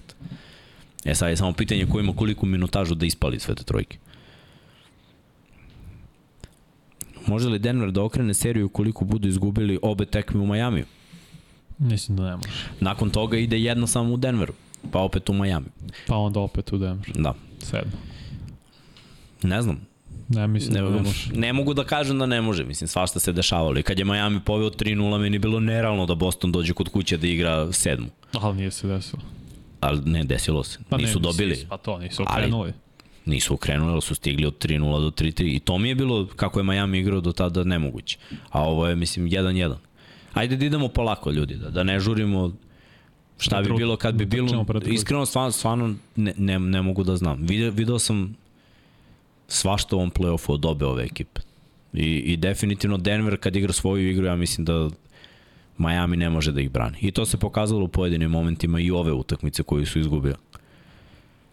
Šta kažete na to što je Irving pitao Lebrona da dođe u Dallas? Vio, stiglo mi obaveštenje to sad. Ovo, tačno ono što Dallasu fali zapravo. Lebron, Lebron, Luka i Kyrie. Sviđa mi se. Volio bih da vidim, samo mislim da se neće desiti, ali volio bih da vidim. Mislim. Ma daj. Dva košarkaške genijalca, zapravo sva trojica su košarkaški genijalci, on, igraju u jednom ekipi, ova dvojica Luka i Lebron odlični dodavači, asistencija bi letala na sve strane, mislim Kairi ono s loptom što radi, stvarno mađioničar, bilo bi prelepo videti jer pa što fali Dallas, krilo neko, krilo mm -hmm. Lebron, on možeš da ga ubaciš da hoćeš, i imaće uspeha, tako da bilo bi zanimljivo i zabavno gledati taj tim, samo mislim da se to neće desiti. Ajde da odgovorimo na pitanje Ajde. koje su juče malo potencirali pre prenosa u Americi. Nikola Jokić i Jamal Mare najbolji duo u ligi trenutno. Pre nego što odgovorimo da li je da ili ne, uh mhm. -huh. ajde da nabrojimo, ajde da nabrojimo pet najboljih tandema u NBA ligi trenutno. Ajde, kreni od isto. Pa, pa i vi da se uključite u to da date svoje mišljenje u tih pet tandema ko ima najbolji. Znači... Ko je bio prvi na istoku? Jer oni imaju tandem. Rekao bih Holiday i Janis. Pa, ili je Middleton i Janis. Mislim, mislim da nije definisan toliko Mislim da oni imaju tu trojku gde je Janis dominantni, da. ali ova dvojica doprinose. Mislim pa, da nije klasičan tandem. Pre bih rekao tandem da ima Boston, Brown, jer, jer, jer se njihova igra bar se zasnivala dok Brown je malo zakazao ovom play-offu na, na Tatuma i, i Browna, Booker Durant bi bio tandem Jeste. koji će biti sledeće godine. LeBron AD je tandem. Dobro. Harden Embiid je tandem. Dobro. Adebayo i Jimmy to je tandem. Dobro. Mm, Jokić. Dobro, Jokić i Marej. se podrazumeva da... Od, ajde ovako, od ovih, evo nabrali smo nekih 5-6. To su ekipe ove godine koje su bile sve u play-offu, da sad ne lutamo Dalje, okay, i da tražimo ne, negde drugde. Evo, otprilike ljudi i pišu ovo što smo mi sada nabrojali. Kawhi, Paul George, kad su zdravi. Pa, što je jednom u nikad. Da, iste. A ja Kavaja tipa najviše gotim, ali Da, da, kad... Jednostavno, ne, naš, nije, nije ni fair to više gledati, jer oni tri godine već ne igraju zajedno. Da, pa ne, mislim, na papiru i stilu igre jesu Jokić i Mare zato što najbolje doprinose jedan drugome. U nekom Oni, pogledu, kad pogledaš tako, ajde ovako, stilski kako Booker igraju. i Durant ne zavise jedan od drugog nužno, jer obojica kreiraju svoje šuteve, Tipa Jokić i Mare zavise od tog pika. Oni igraju pik, pick and roll, pick and pop. Dosta zavise od toga. Mare uzima šuteve iz tog uručenja, pa ponovo, ponovo je pik. Tako je. Oni baš diktiraju. Zato kažem, ja, stilski. Mislim da su unikatan tandem. Da nema više tog tandema, jer Harden i Embiid ne igraju tako. A to je drugi tandem back centar. Da, a dobro, o. oni igraju vrhunski pik možda bolje od Mare Jokića, iskreno, ali nekako nisu najbolje prilagođeni. Šta se prošlo? A, Lazare, brate. Kaže, najbolji duo je Morent i pištolj, brate. ja, jest. Nažalost, po Morentu. Uh, ne znam, meni bi se, ako gledamo individualno kao pojedinačne igrače, bi rekao Booker i Durant. Zato što verujem da su i Booker i Durant bolji od Mareja. Ali opet stilski, kako se uklapaju, Mare i Jokić imaju mnogo bolju hemiju razvijenu i opet igraju konstantno pik, stilski jednog drugog sjajno upopunjavaju. Slično Hardenu i Embiidu, samo što Harden i Embiid ne deluje mi da je savršen spoj Jer često Harden drnda loptu i drnda loptu, pa onda dođe pik, pa tek podeli loptu, pa Embiid zavisi dosta od toga da će mu se spusti ili ne. Pa pazi, Embiidu kad se spusti lopta, to, to je otprilike kraj. U, I to isto. On, on rešava taj napad. I to isto, tako da stilski da mislim da jesu oni efikasni zajedno, kao što su i Booker i KD, kao ne znam, opet uh, Tatum i Brown isto ne zavise toliko jedan od drugog. Ovi imaju savršenu sinergiju. Lepo su sklopljene. Da ajde da kažemo, pošto su naši, može. Naši. Stavljamo ih kao najbolji du. Sada kaže Saša Nikolić najgori spoj Luka i Irving. Ne, nužno, ne, zašto? Zato što obojca su ono bol, uh, dominantni na lopti. Nije uopšte tako. Moram učen duks po klimi. No, ako. Ali sad ću smislim uh, duo, najgori fit. Ajde, ko, ko, se nije, ko se nije uklopio kao tandem? Mislim, ajde, znamo da nisu Durant i Harden, pa se zato i, i raspao malo Brooklyn, pa i čak i Kairija tu da, koji je malo odmarao zbog nekih svojih situacija, da i njega uračunamo. Pa nisu savršen tandem, iskreno Tatum i Brown nisu savršen tandem. Ne poklapaju se njihove igre uopšte. Ne je, oni igraju neizmenično je, ajde, malo ti, malo ja nisu savršen tandem, nisu najgori tandem, ali nisu savršeni jedan za drugog. Daj mi tri loša tandema trenutno u, u ligi. Pa možda čak i Ingram i Zajan isto. Jako Zajan igra dovoljno. Pa da, utakmica, nemojte ali, što ne igra. play-offu ili ovako. Ne, ne, ne. Pa Karl Anthony Towns Gobert, to je grozno. A on njih bi stavio, a ne Edwardsa. Kao, pa, kako no, si no, tandem, Edwards je najbolji igrač, ali ako da, da, gledaš tandeme kao... Tandem najboljih igrača u petorci, mislim. Ne mogu stavim Gobera kad, ili Townsa kad je tu Edwards koji je broj 1. Pa, pa... Pa, da nema, ne znam ko je u Atlanti, ko bi to bio. Broj 2. Da. Menja se to konstantno. Chicago. Pa mislim, zapravo Chicago, nije. Levin, DeRozan. Pa ne, zapravo je Mare i, ok, Mare i, kako se zove, i Trae Young. Dejonte Mare i Trae Young. Mare, nije to savršeno, iako ono, umeje da se prilagode, ali obojci je potrebna lopta konstantno.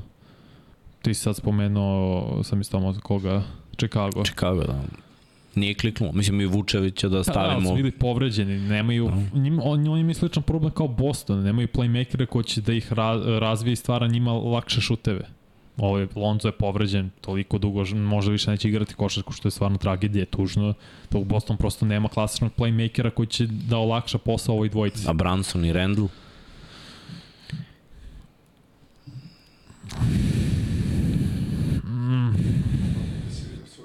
Vidio, znam šta sam tačno napravio, kako, kako grimasu izraz lica. A, pa ne, ne znam. Od, odigrao se jednu godinu, ne znam, nisu ono... A koliko su Luka i Kairi odigrali, mislim. Pa zato im nisu tandem. Da, daćemo, im, daćemo im malo šanse da se dokažu. Meni su Tatum i Brown nisu savršeni. Ne uklapaju se savršeno. Ne zavisi jedan od drugog toliko i malo koče jedan drugog to jest malo zapravo Brown koči samog sebe jer predaje dosta lopti Tatumu i sklanja se. Kako bi ocenio tipa sa Bonisa i Foxa? Vrlo dobro tandem. Vrlo, vrlo dobro. To je Super tandem koji zavise jedan od drugog, igraju dosta pikova. I opet njihova Fox igra. je izrastao ove godine i u boljeg šutera i ne koče jedan drugog, ne zavise toliko jedan od drugog u smislu može i Fox sam sebi da stvori, može sa Bonis isto opet kad igraju 2 na 2 pick and roll, to ide sve lepo, može sa Bonis iz pick and popa da se otvori ili da prosledi loptu. To je dobar tandem, to je mm, baš, baš dobar tandem. Mitchell Garland. Ne nužno, da što Mitch, Garland je klasičan play više, nego što juri svoj šut a Mitchell juri šut. Konstant. Dobro, sad, sad ih tražimo, su dobri ili loši. da, do, meni su Sad je već krenulo na badanje. Ovo. Meni su dobri, zato što ne, ne se jedan drugom toliko. Jordan Poole i Draymond Green. To je najgori tandem ikad. da. Steph i Draymond je dobar tandem isto. I toliko dugo igraju zajedno i znaju svoje vrline i mane. Draymond ne ide, ne ide toliko, ne traži svoj šut, razigrava druge na ne bi stavio Splash Brothers. Kao... Pa oni su savršen tandem. Kako god okrenemo. Dobro. Opet zato što je Clayu ne treba lopta u rukama, već dobija na tacni i diže konstantno, ne, ne stvara iz driblinga. Steph je taj koji stvara, ima konstantnu loptu kod sebe, stvara i za druge. Tako da, kao, najbitnije je da ne koče jedno drugog. Da neko nije limitiran zbog drugog. To je najvažnije ako pričamo o tandemiju. Sad, sad je kraj, ovde show, bre. Andro izbacio tri tandema, Aj. Sijakam Van Vliet je jedan, Dobro. Uh, Bridges Dinvidi, Ingram Valenciunas. Pa nije Valenciunas, Ingram i Zajan, ili CJ McCallum i Ingram. Znaš, moramo, CJ McCallum i opet i njima fali playmaker klasičan. Nije, al, kako se zove, Alvarado play, ne znam ko još treba, ko to još igra play, sad ne mogu setim. CJ McCallum je dva koji je stavljen u tu poziciju da više bude play kao razigrava druge, ali nima to prirodna stvar. Sijakam i uh, Fred Van Fleet nisu dovoljno tandem, dobro da ih sad spominjem, mislim, oni su individualno super i ne zavisi igra Toronta ni zamisao na njima dvojci. Već verujem da će sad vremena, pošto verujem da će otići Van Fleet, biti fokus na Scott i Bancu kao ruki, koji nije ruki, pardon, koji ulazi u treću godinu. I verujem da će onda morati s jakama kad tad da traduju, jer ne znam da li će njih dvojice da se uklope i ne, po, uh, ne podudaraju se ni godinama, ni bilo čime. A ko je bio šta je još neko?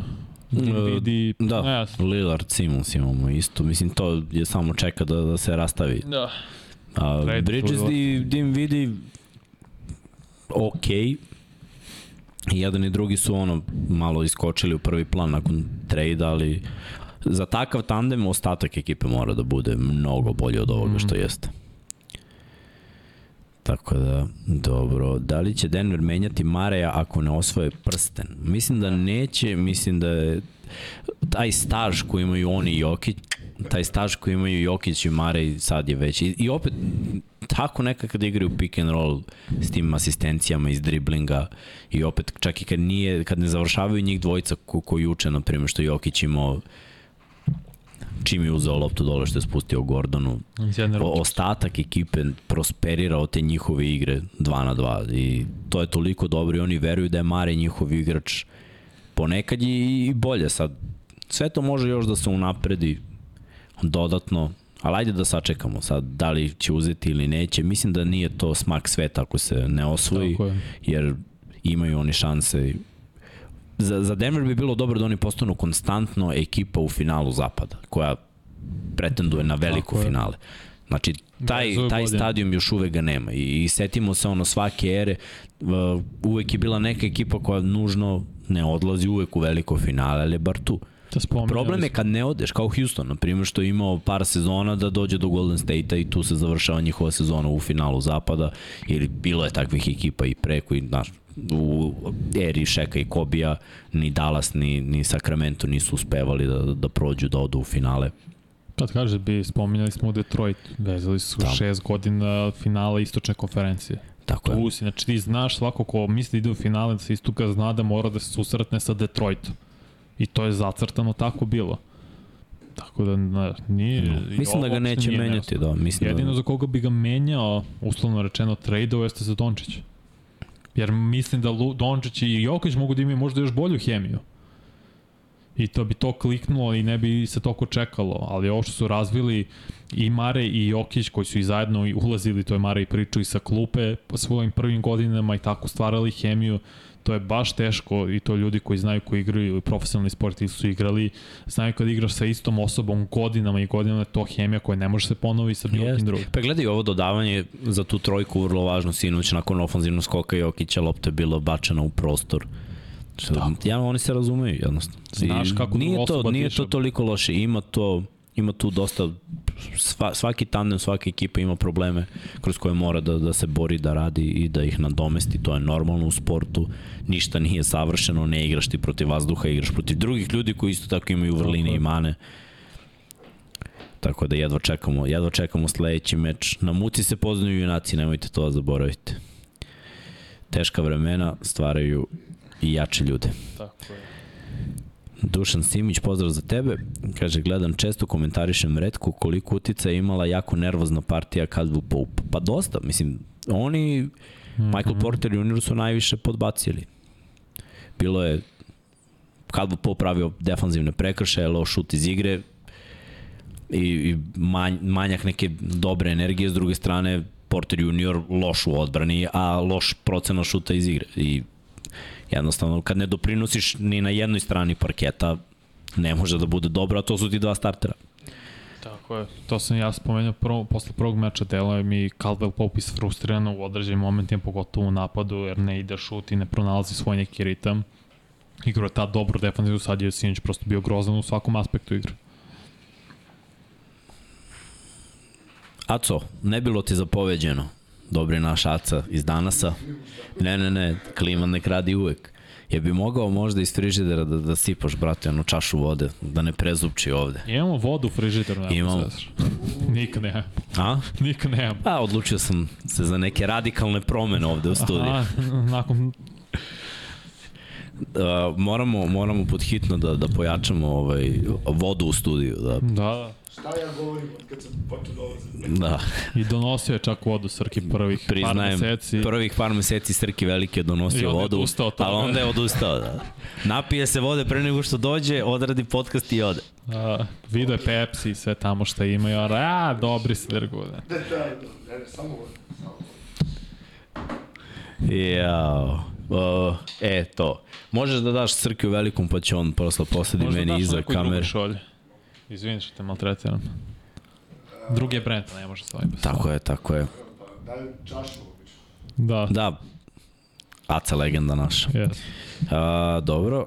Morata Tata kaže ja sam rekao da bih više voleo da bude jako teško i, i u sedam utakmica šta će mi finale da Denver dobio 4-0 ili 4-1 ne možeš lepo ni slaviti metal protiv Lakersa već sutradan kao da nije ni bilo dobro jeste što je teže Slađe. Pa jeste, lepo kaže. Podržavamo. Nije ovo, nije ovo ništa strašno. Mi smo se, ja sam se malo smorio iskreno zato što sam spavao 4 sata. Ne, ne.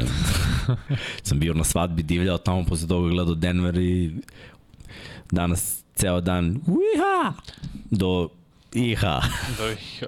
Svaka pobeda je bitna na kraju krajeva. Da li je 4, da. 7 utakmica, samo meni, nema šta, da se pobeda. Nije, nije ovo uopšte, sa, samo kažem, taj manjak zalaganja, to me više nervira nego bilo što ti nekad kad uradiš sve, daš sve od sebe i izgubiš. Onda, okay. onda niko ne može ništa da ti zameri. To je u stvari najjača fore. Bilo je utakmica, znaš ono, stvarno si dao sve od sebe. I brate, izgubiš, onda pruži ruku jer je neko bio bolji zbog koji god dalje sudije dali samo igra, ali znaš, ti si dao sve od sebe i nisi pobedio. Uh, Denver nije dao sve od sebe. Upravo to. I ne može niko da mi kaže, da me ubedi da to nije tako. Znači, definitivno se videlo da nisu dali svojih 100%. Jer kad oni daju svojih 100%... Dobijaju skoro svaku. Dobijaju skoro svaku utakmicu. Ili je drugačiji ovaj... Ispruži ruku. E, hidriranje. Ja, to me podsjeća nešto smešno nekog uh, youtubera što gledam online, što igra Hitmana, to je presmešno što radi, znači da tako uvek nešto kaže hidrira. Češ asistenciju? Neću imaš, hvala ti, brate. Imam, ne trebam. Imam, ne trebam. Sve okej, okay, sve okej, okay, hvala. Hidracija je jako važna, Vanja. Jes, znam. 3 litre vode na dan. Ja. Dobro.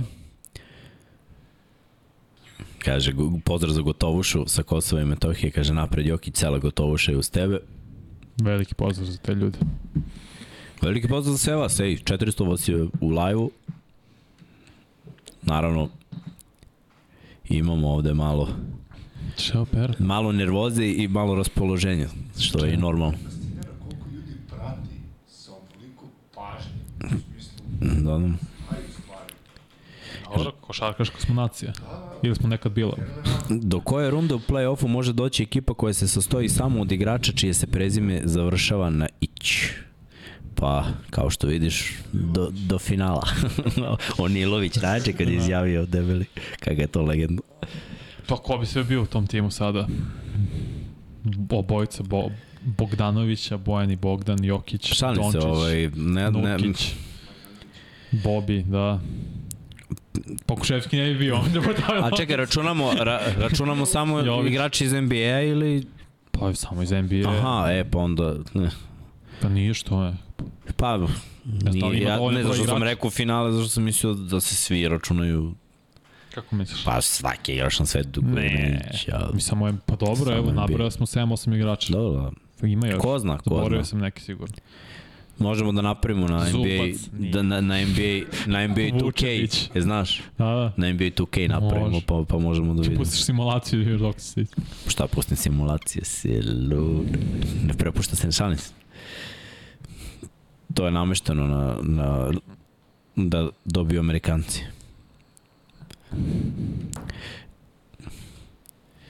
Sad mi iskače ovaj Slack, ne Ništa nije kliknem ovde da idem na dole. Za, zašto je checker flag?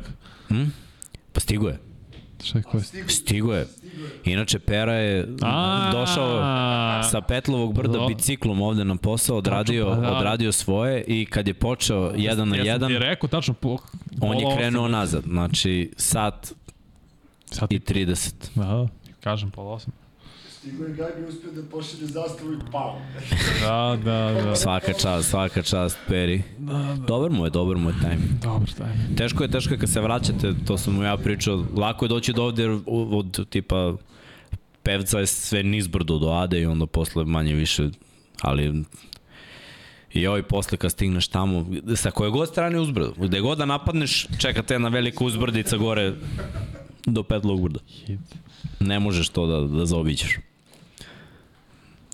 Kako smatrate da Denver može da reši serije Majamija od po 8 do 10 uzastopnih poena u jako kratkim segmentima i to uglavnom u početcima četvrtina. E da, bilo je toga i u prvoj utakmici pričali smo ono 7-0, 8-0, 11-0 serije, pa je bilo sad i ovde, bravo Igore, odlično pitanje.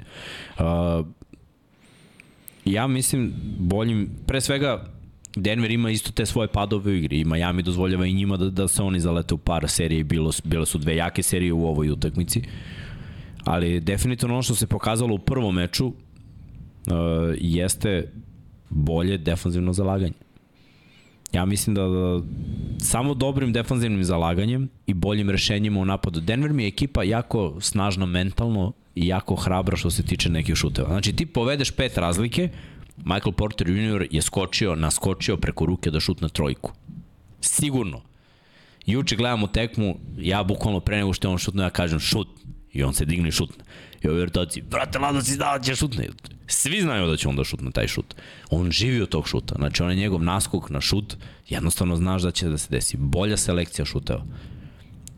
To je verovatno rešenje. I onda neće biti serija 7-8-0, nego ćeš davati neke poene. Znači, ti imaš u principu u svakoj akciji, meni ne smeta što on šutira, da se razumemo.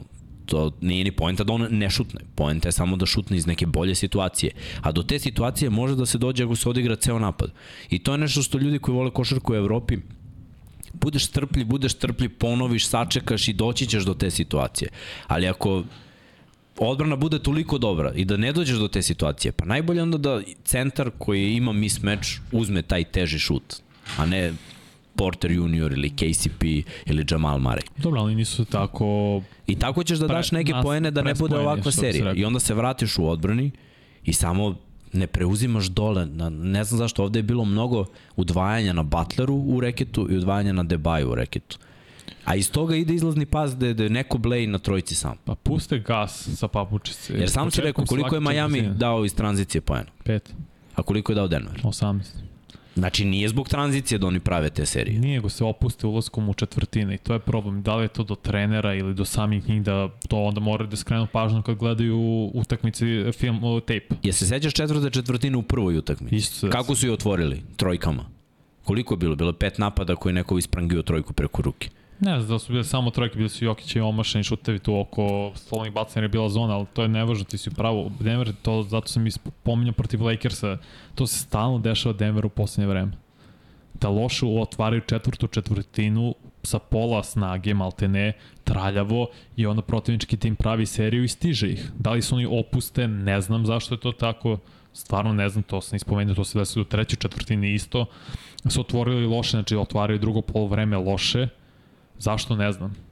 Da li ne shvataju situaciju dovoljno ozbiljno i misle da, ili su to, toliko imaju samopoznanje da šta god da se desi, oni će pobediti, nevažno od protivničkog tima da li pravi seriju ili ne, ili već oni imaju stvorenu prednost ili ako nemaju stići će, što su malo i sinoć uradili, ne znam, ali to mora i on, to je onda do Michael Malone da im skrene pažnju kada gledaju utakmicu reprizu, kada rade analizu same utakmice, da kaže ne sme ovo da se dešava konstantno.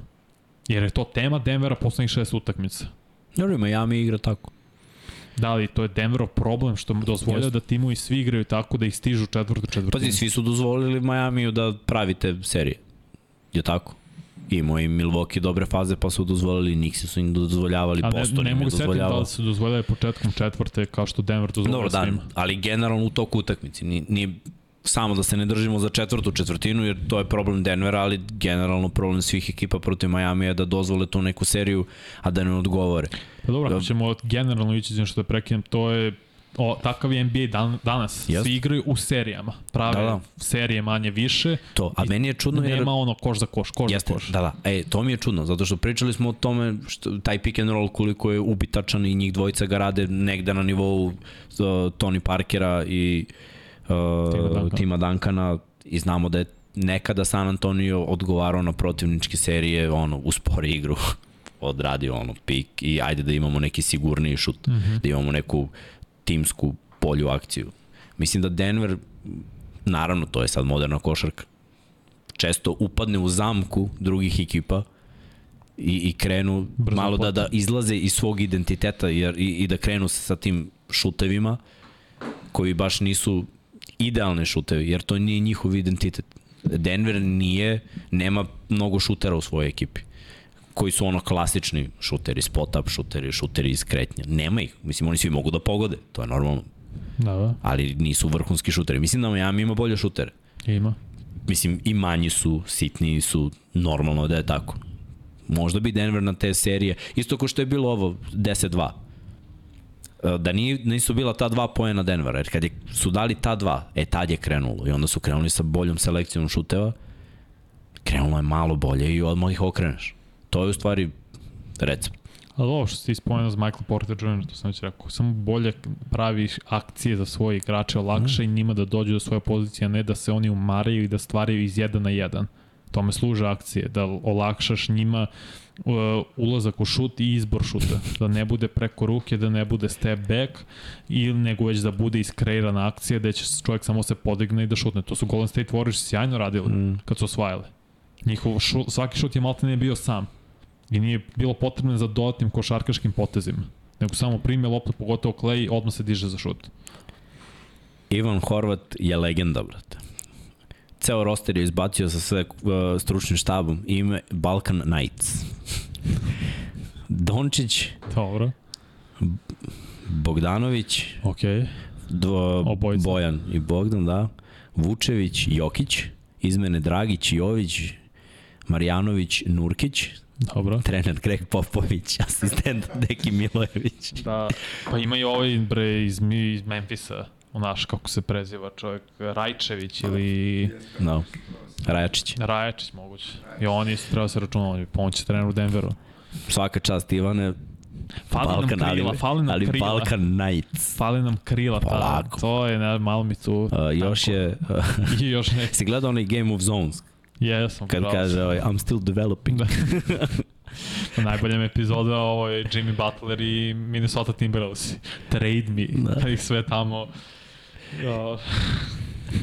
Is this Andrew's heart? No, this is too big to be his heart.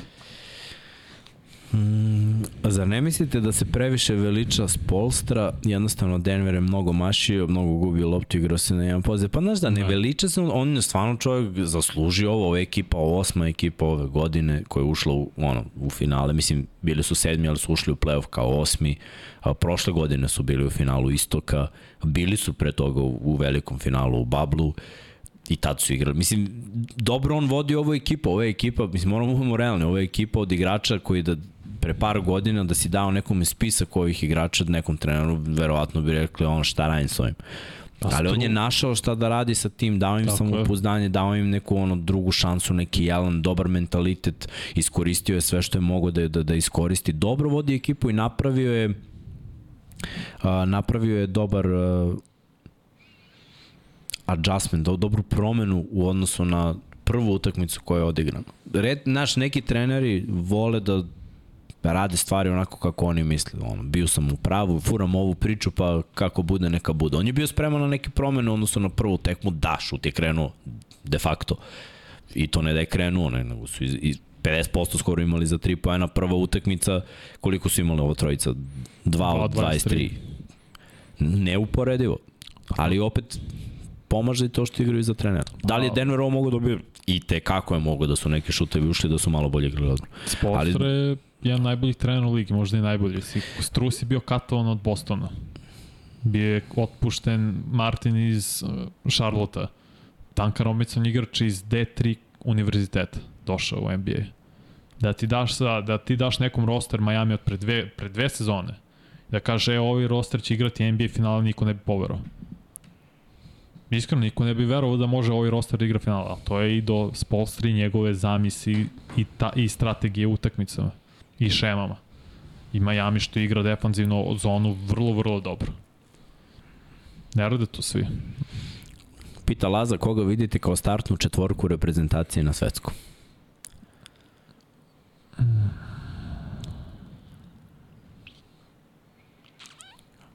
Kako li će da izgleda taj spisak. Inače da, e, ima pravilo 28 dana, NBA koji je mhm. izbacio pravilo, znači pre svetskog igrači mogu samo 28 dana da Da budu sa reprezentacijom, da. znači ako je svetsko 25. mogu tek da budu šta 3, 29. 28. jula, od, pa dobro, to je okej. Okay.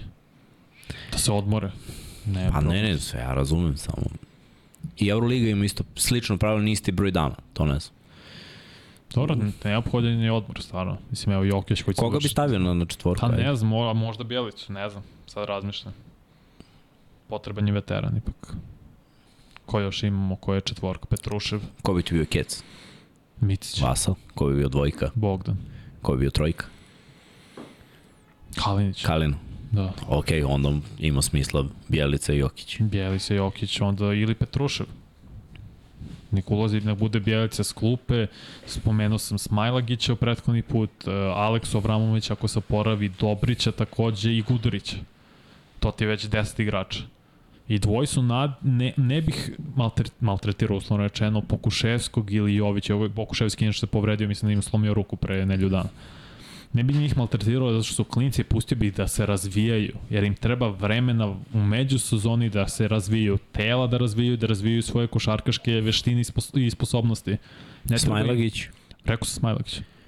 Aleksa, Gudorić, Dobrić, a kažemo Bjelica, Smajlagić, od je pet sa klupe i ovo petorica što smo nabrojali bi bili starteri u idolnom svetu naravno. Prošli put si Milutinovo zaboravio, samo ti kažem.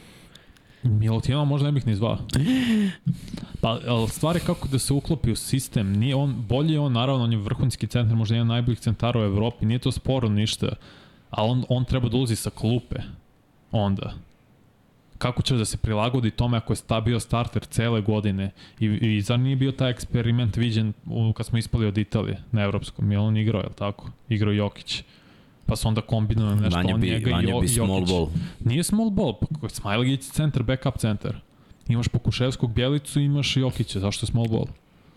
Ne treba ti još jedan centar. Mislim, možeš, ok, idi sa tri centra, ali nise uspela strategija i da budu u istoj pedorci Milutinov i Jokić. Dobro, ko je to rekao? Pa to su Ti igrali. si krenuo da praviš spisak. To su igrali. Ja sam klasičan novinar iz Srbije. A zašto niste zvali Ja, evo ja ti kažem zašto. Ne uklapa se u trenutni sistem, jer on je igrao minute kao starter i trebao bi sad da bude malte ne sedma, osma opcija, ulazak sa klupe, drugi centar. Koliko minuta, minuta bi imao, da li bi bio zadovoljan s time. Već znam ulogu Smajlagića koji je imao tu ulogu čitavu sezonu Partizanu, I mnogo bi se lakše prilagodio i igrao sa većom energijom, jer što je to za njega prilika da se pokaže i dokaže, eventualno bude, eventualno bude imao još višu minutažu u narodnoj sezoni za Partizan. Boško pita bez Nedovića? Bez. Kudorić, Dobrić.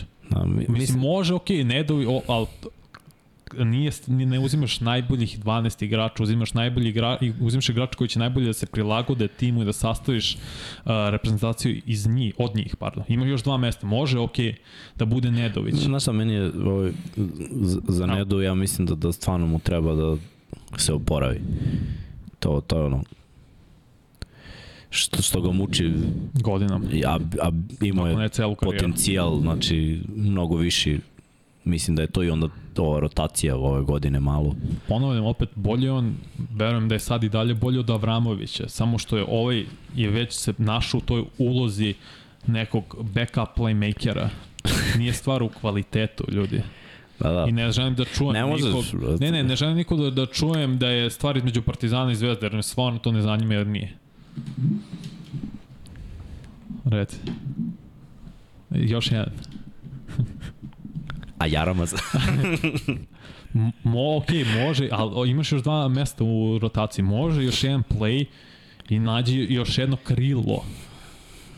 Ako su toliko uporni, nek bude Milutino. ja Kaže bi Lazar. Jovanović, već vidim Birčevića na širem spisku, čisto radi tradicije. Dobro, ali možda ne, bit će 12 igrač, neće igrati. Ne znam zašto ljudi imaju taj utisak da svih 12 moraju da igraju i da budu najbolji igrači, ne trebaju.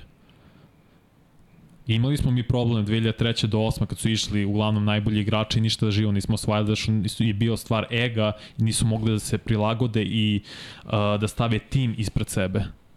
Nego je bilo ja, ja, ja. U životu imam sve. Imam naj, naj, naj i tako dalje.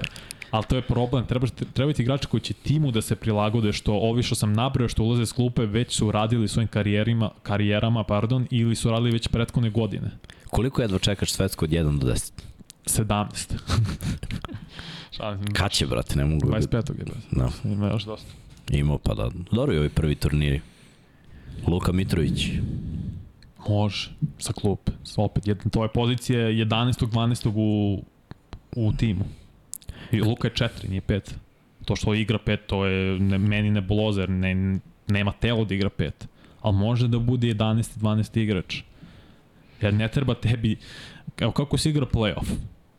Rotacija je do 8, je tako igrača? Negde 9 max, negde 7.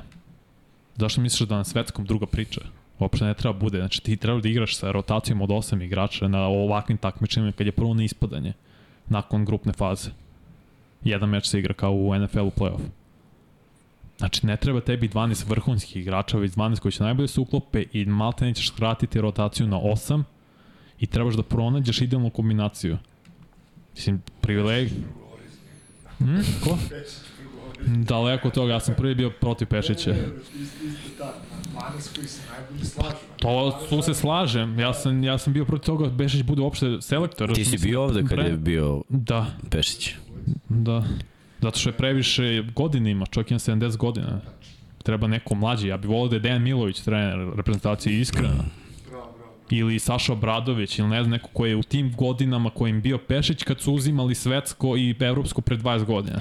Pazi kako smo omakli temu s Denvera na reprezentaciji. Odjednom kreće haos, raspoloženje. Znači ono, carski. Šta ćemo sa Sudanom? Ko? Ljudi, radio sam kvalifikacije za, za ovo svetsko, za svaki kontinent, ali Aziju i Afriku. Pa kao, a? Pa kao. Znači, ja ne mogu da vam opišem. Nije ja ne kvalitet. mogu da vam opišem to. Pritom, ja ne mogu se setim koga sam radio, nestaje struja. Ja, čuo sam da to mislim to bilo u Africi, ali neću to. Da, u Africi jeste. Nestaje struja, brate. Gasi se tekma, ono, ne možeš da veruješ, ja u fazonu, a pa najbitnije, ono, posljednje kola kvalifikacije. Ne su uključivali kao u, kad prastim biću kengur na... Pa, bukvalno, bukvalno je bio agregat. Stari ruski. pa kao, ali ovaj, da, ta, taj nivo košarke, to, to je, znači, makljanje, faulovi, srljanje, ne može da se pogodi otvoren šut, ma, mislim, ko je pratio sigurno je neko bacio oko, nadam se da ste niste kladili na, na kvalifikacije za svetsko prvenstvo u tim prozorima, ali Južna Amerika je za, za nijansu bolje jer imaju par pojedinaca, znaš, koji su mm -hmm. studirali u Americi ili igraju u nekim boljim ligama, ima ih, toliko nema toga u, u Africi i u Aziji, ali taj nivo, tako da uopšte ne, da se ne brinemo za, za, za selekcije iz tog dela sveta. Dobro, ubacit ću Australiju, to Okeanija, koji se ipak ve, vezuje nekako za Aziju. Oni mogu, biti, on, oni mogu biti potencijalno nezgodni.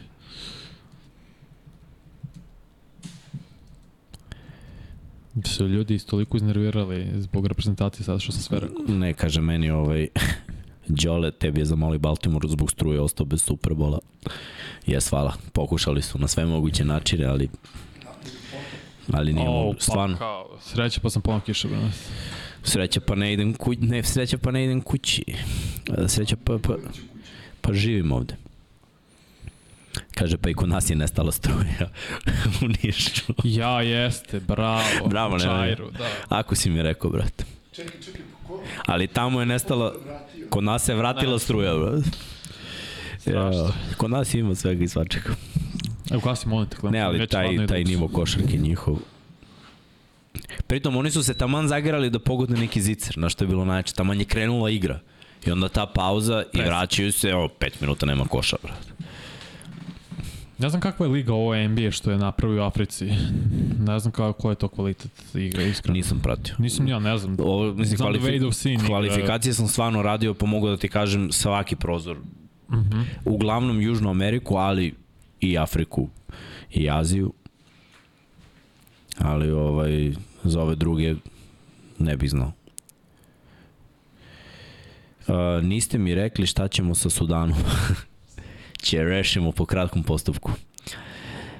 Kako preživeti depresiju ako Denver, nestade mi ovo, ako Ako Denver izgubi. Da, izgubi od Miami, ja verovatno. On ništa ide se da. dalje. Ljudi, to stvar je stvarno vrlo prosto, strpljenje. I verujte procesu, ako to zvuči kao fila i sve to, ne. Znači, stvari strpljenja, potrebno je možda godinu dana da prođe da Denver dođe do NBA titula. Ne osvajaju svi iz prve. I oni koji su osvojili iz prve, trebalo im je vremena da dođu do toga ili da se poklope neke sulude stvari kao što se poklopilo Detroit Pistons na 2004. da Lakersi nisu imali nikakvu timsku hemiju i da je bilo konstantno svađe, nisu mogli da podnose jedan drug. I ako su ovi bolji tim, ovi su pobedili što su tim. A. Zajedno igrali, ovi su igrali individualno i nisu mogli smisliti jedan drug. Imamo par pitanja. Jeste videli kako Peti Mills cepa trojke, cepa on trojke još u San Antoniju. Dobar je Peti, Peti. A za reprezentaciju grm. Da, da. A, pitanje imamo za Argentinu i Brazil. Argentina se nije kvalifikovalo. Ispali su u posljednjem prozoru, je baš tako da oni nisu prošli. Tako da ćemo gledati neke druge. da, Ko je ne. prošao iz Južne Amerike? Uh, uh, pa mislim nije Južna, nego je Amerika kvalifikacije. Da. Ne igraju odvojeno Južno. Stvarno? Da, da, da. Nego se naprave grupe. Uh, u jednoj su Amerika i, i Meksiko. Mehiko. Uh, Kanada, mislim da je Port, Porto Riko. Gde igra Alvarado? Je Porto Riko? Jeste Porto Riko? Ili Dominikana? Mislim, gledaj, do, dobro su igrali. Južnoameričke reprezentacije... Dominikanska republika, Dominikanska da, republika. da, Italija, Filipini, Angola, grupa A, SSD. Da. To moramo peri da napravimo Kina, kada budemo Porto, radili to posle. Dobro. Amerika, Novi Zeland isto igra, Grčka, Jordan, opa, pardon, iskočilo nešto. Meksiko, Kanada će biti brutalno. Kanada će biti Kanadjani, Kanadjani su ovaj, Ta cela grupa Kanada, Francuska, Letonija, Liban, to je opasna, opasna grupa. To je najteža grupa po meni na prvenstvu. Španija, Iran, Brazil. To Zeleno-Rtska ostrava su Afrika. Njih sam isto da. radio i to kako su prošli, to CPB. ne igraju oni toliko, to je toliko grupa, dobro. Slovenija ima najlakšu grupu zajedno sa Gruzijom i Venecuelom, da Venecuela je prošla, ja, Argentina nije, to je grozno. Nemačka, Finska, Australija, Japan, to je isto baš, baš teška grupa. To će vrlo, mislim, ne znam ko će to se oklizati, iskreno. To će biti vrlo zanimljivo gledati. Egipat, Meksiko, Crna Gora, Litvanije, to je isto vrlo zanimljiva grupa. Mi smo baš dobro prošli. Mi smo vrhunski prošli kako smo mogli. Sa Porto Rikom, Kinom i šta je ovo, koja je ova reprezentacija? Ne znam. Sudan? Moguće. Južni Sudan? Pa da, južni, jeste, južni Sudan. Da. South. Uh, r, r, r, r. Ne igra bit za Francusku. Ne igra? Stvarno, što? Ali će igrati Vembanjama mali. Da li će Kari igrati za Ameriku? On je igrao kvalifikaciju? Ne, ko je igrao kvalifikaciju? Vembanjama. A, pa jeste. Kari neće igrati što, što bi igrao. Ne, znam ko će igrati. Pa mo, da, obrukali se prošli put, 2019. Ma ne zanima njih svetsko, samo olimpijadu gledaju. A, tako i nije zanimalo prethodnih godina. Pa, je bilo... pa znaš da on, kod njih se gleda ta olimpijada, zato se svi prijave, za svetsko puste mlađe.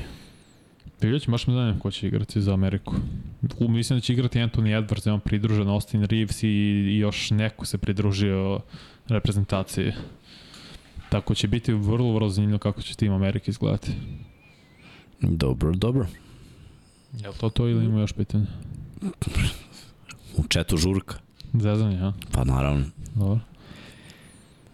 Što da ne bude zezanje, vidiš da je dobro, dobro raspo. Moramo malo sada, to ti je ovo... Srđenju gasi klimu. Ajde malo, puštam. Puštam vas malo.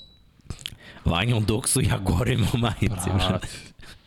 Sve u noge mi ide. E, da, to jest. Pa ja sam u šorcu. Ali, ovaj... Imam predlog za tebe, nemoj da spavaš. Da, To, to je rešenje. Uvijek ti je top. Znam, nisam sinče. Uh, nezvanično za USA, Branson Bridges i Vanja što je nabrojao ovu trojicu. Pa dobro. Da, da, vidjet ćemo, vidjet ćemo. Ovaj, meni je uvijek zanimljivo kad, kad, sa, samo kad vidim muke trenera kad izbace potencijalnu bekovsku liniju. Kad izbače, pa izbace 10 bekova i ti ih saseci na pet. Kad krene ono, dilema. Više dilema nego Nelly. Da, ja mislim da bi ja bi sigurno zvao Edwardsa da igra. I mladi i prvom prvenstvu mislim da je zaslužio i poziv da će biti tamo. Dobro, onda on je jedan od... Biće šansa za svet da vidi koliko je on zapravo pozbiljan košarkač i potencijal. Uh, Nikola pita da li mislimo da Crna Gora može do druge faze? Oni su mogu teško grupi. Znaš šta, ovaj... Sa Litvanijom. Vidjet ćemo. To, to, te stvari se... Ja sam uh, na, evropskom, na evropskom prvenstvu sam prenosio dve utakmice reprezentacije Crne Gore i Pa me dobro, Meksiko, Egipat, Litvanija, Litvanija tu izrazit favorit. Da... Znaš šta, Meksiko igra, Meksiko igra onako prgavo, imaju par mm -hmm. igrača koji mogu, mogu da pogode. Imaju ovaj jednog centra koji je uh, jak, stamen, dobro pravi blokove, dobro je na ofenzivnom skoku i rešava, amigo. Amigo, mi amigo. A ovaj, ovi ostali, znači, niski su niski su, ali ima, imaju nešto, naš prgavi su. Oni su i dobili sjene američke države, mada njihov, Toskano njihova ovaj ekipa, ovaj, isto. Da, njihova ekipa kvalifikacijama je malo kombinovana bila, pa ajde da kažem, ali posle kad je sve došlo na svoje... A dobro, to ono ni ne gledam. Igra ovaj kako što igra za Lakers, Golden State Warriors, Juan, kako se zove... Što se prezija Toskano, čini mi se. Ne znam kako se zove. Toskano Anderson. Ne treba me da googlam. Mislim da je Toscano Anderson, ali nisam siguran ako nek mi ispravi nekog nije, greši. Nije im neka ekipa. Radio sam 10 utakmica Meksiko u ovim kvalifikacijama, zašto to sve ono da, po američkom vremenu. I Egipat i Crna Gora i Meksiko, niko nije sad tu izrazito hmm. bolji od ostalih. Pa zato postoji šans. Biće baš teško. Zato Zavisi postoji. Gledi Litvanija kako je igrala, na primjer, pa i ovo evropsko. Jeste. Ni, ništa tu nije. Juan Toscano, Anderson. Juan Toscano, Anderson, dobro sam rekao. Dobro. Ajde, ajde da privodimo ovo kraju ljudi. Da sumiramo. Da, hvala vam što ste ispratili u ovakvoj meri. Eto, mi pređu smo sa ovih depresivnih tema na, na optimistične. A to Stresne, je svetsko.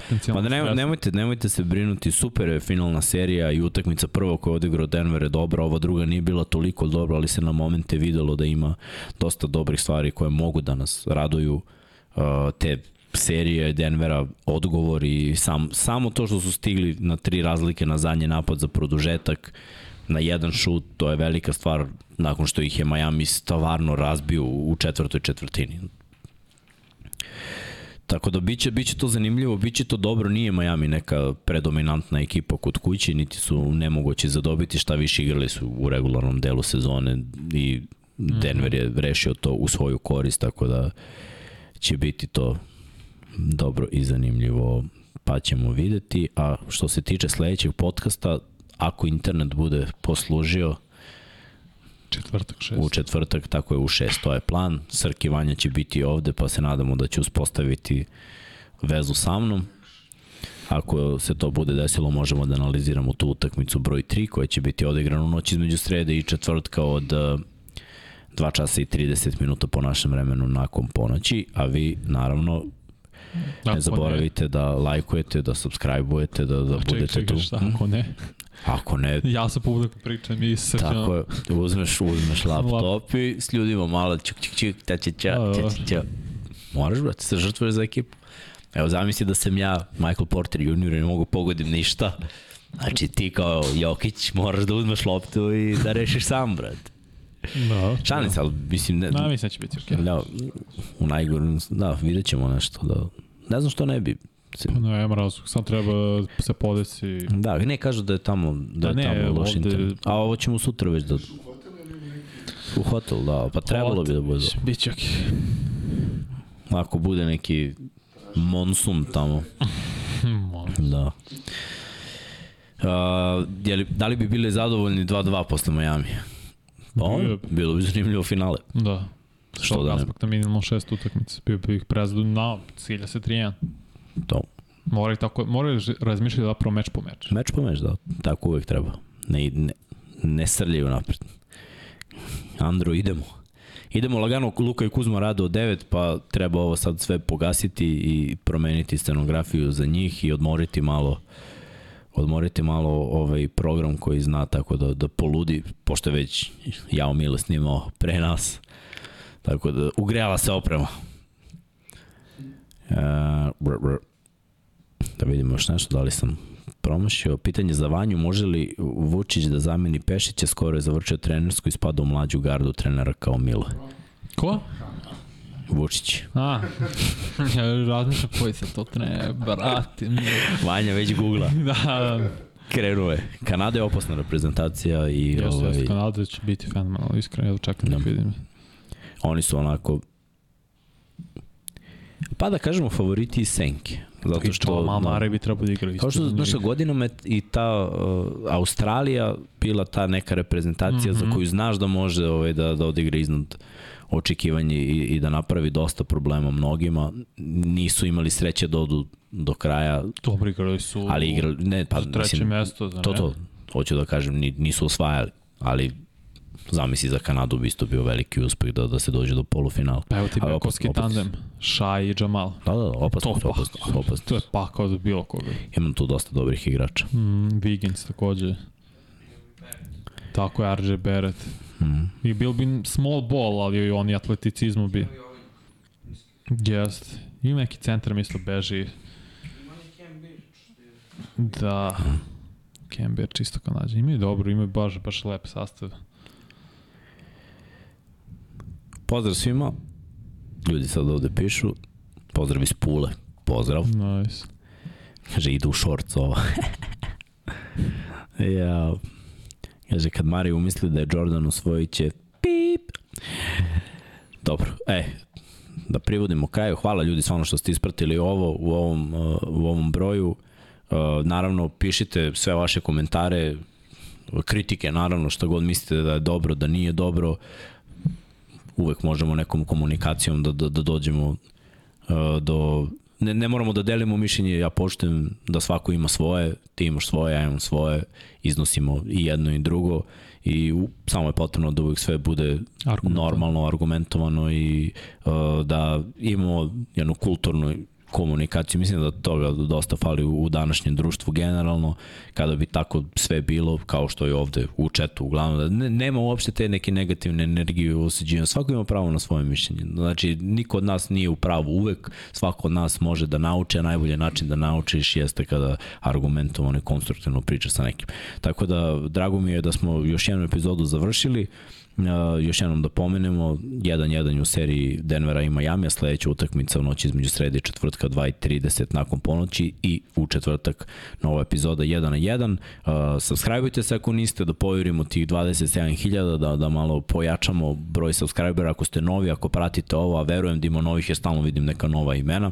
Nemojte da vam bude teško, to je jedan klik, podržite ekipu, čekirajte shop, uh, budite pokrovitelji na Patreonu, budite članovi ili ako ništa drugo, lajkujte i gledajte i uživajte, pa I iskoristite do... kod 1 na 1. Da. Da Admiral Bet novo registrovan i dalje važi do kraja juna. Iskoristite, da. igrajte se, eto, 2000 dinara bonus. Znaš šta nismo uradili, a bio je predlog i baš je bio cool predlog. Šta? Nema je zašto nema free beta da bacimo koje pitanje da ljudi ono da se Može, ljudi poigre. pa smislit će nešto za četvrtak. Ajde sad Mislim baci, sad, baci sad jednu brzinu. Sad? Ajde. Uh. Mhm, uh -huh, uh. -huh. Pa ne, ja znam inspiraciju sad da smislim nešto na keca. Pa ti uvek smišljaš na keca, bro. To uvek si jako brz. Britka sablja. Koji timovi u istoriji NBA play-offa su sve četiri runde igrali protiv timova koji minimalno imaju 50 pobjede ili više? Znači koji godina se to desilo i koji timovi?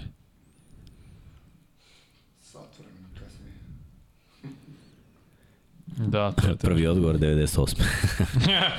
Ni. Old school koji je bio ovde. 2002. Ne. Da ponovim još jednom. puta se desilo. Znači, desilo se četiri puta u istoriji NBA play-offa da jedan tim sve četiri runde igra protiv tima koji minimalno ima 50 pobjeda u regularnom delu sezone. Da, stvarno si im dao te težak dodatak. Uh, smuč. A, gotivno. Vole ljudi kviz. Ja, ja volim isto. Dobro, smislit ćemo kviz. Golden State, Chicago, San Antonio, Milwaukee. Ne. Ne.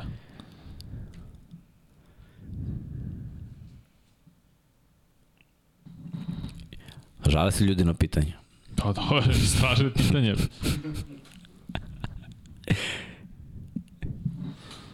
ne razumem, sad je problem.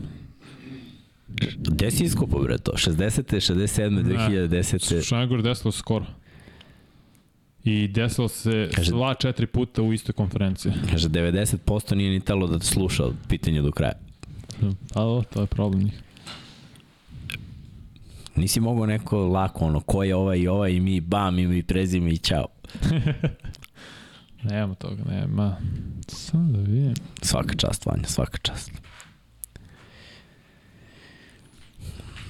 La, la, la, la, la.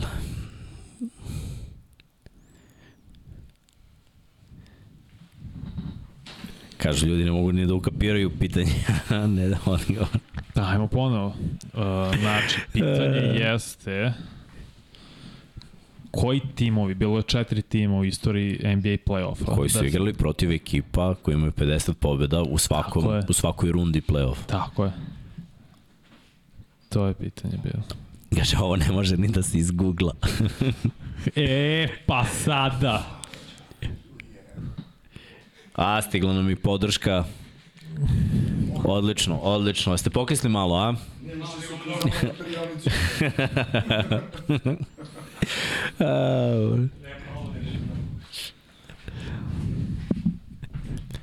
Kaže, ovo pitanje je Vučić imao na višoj trenarskoj.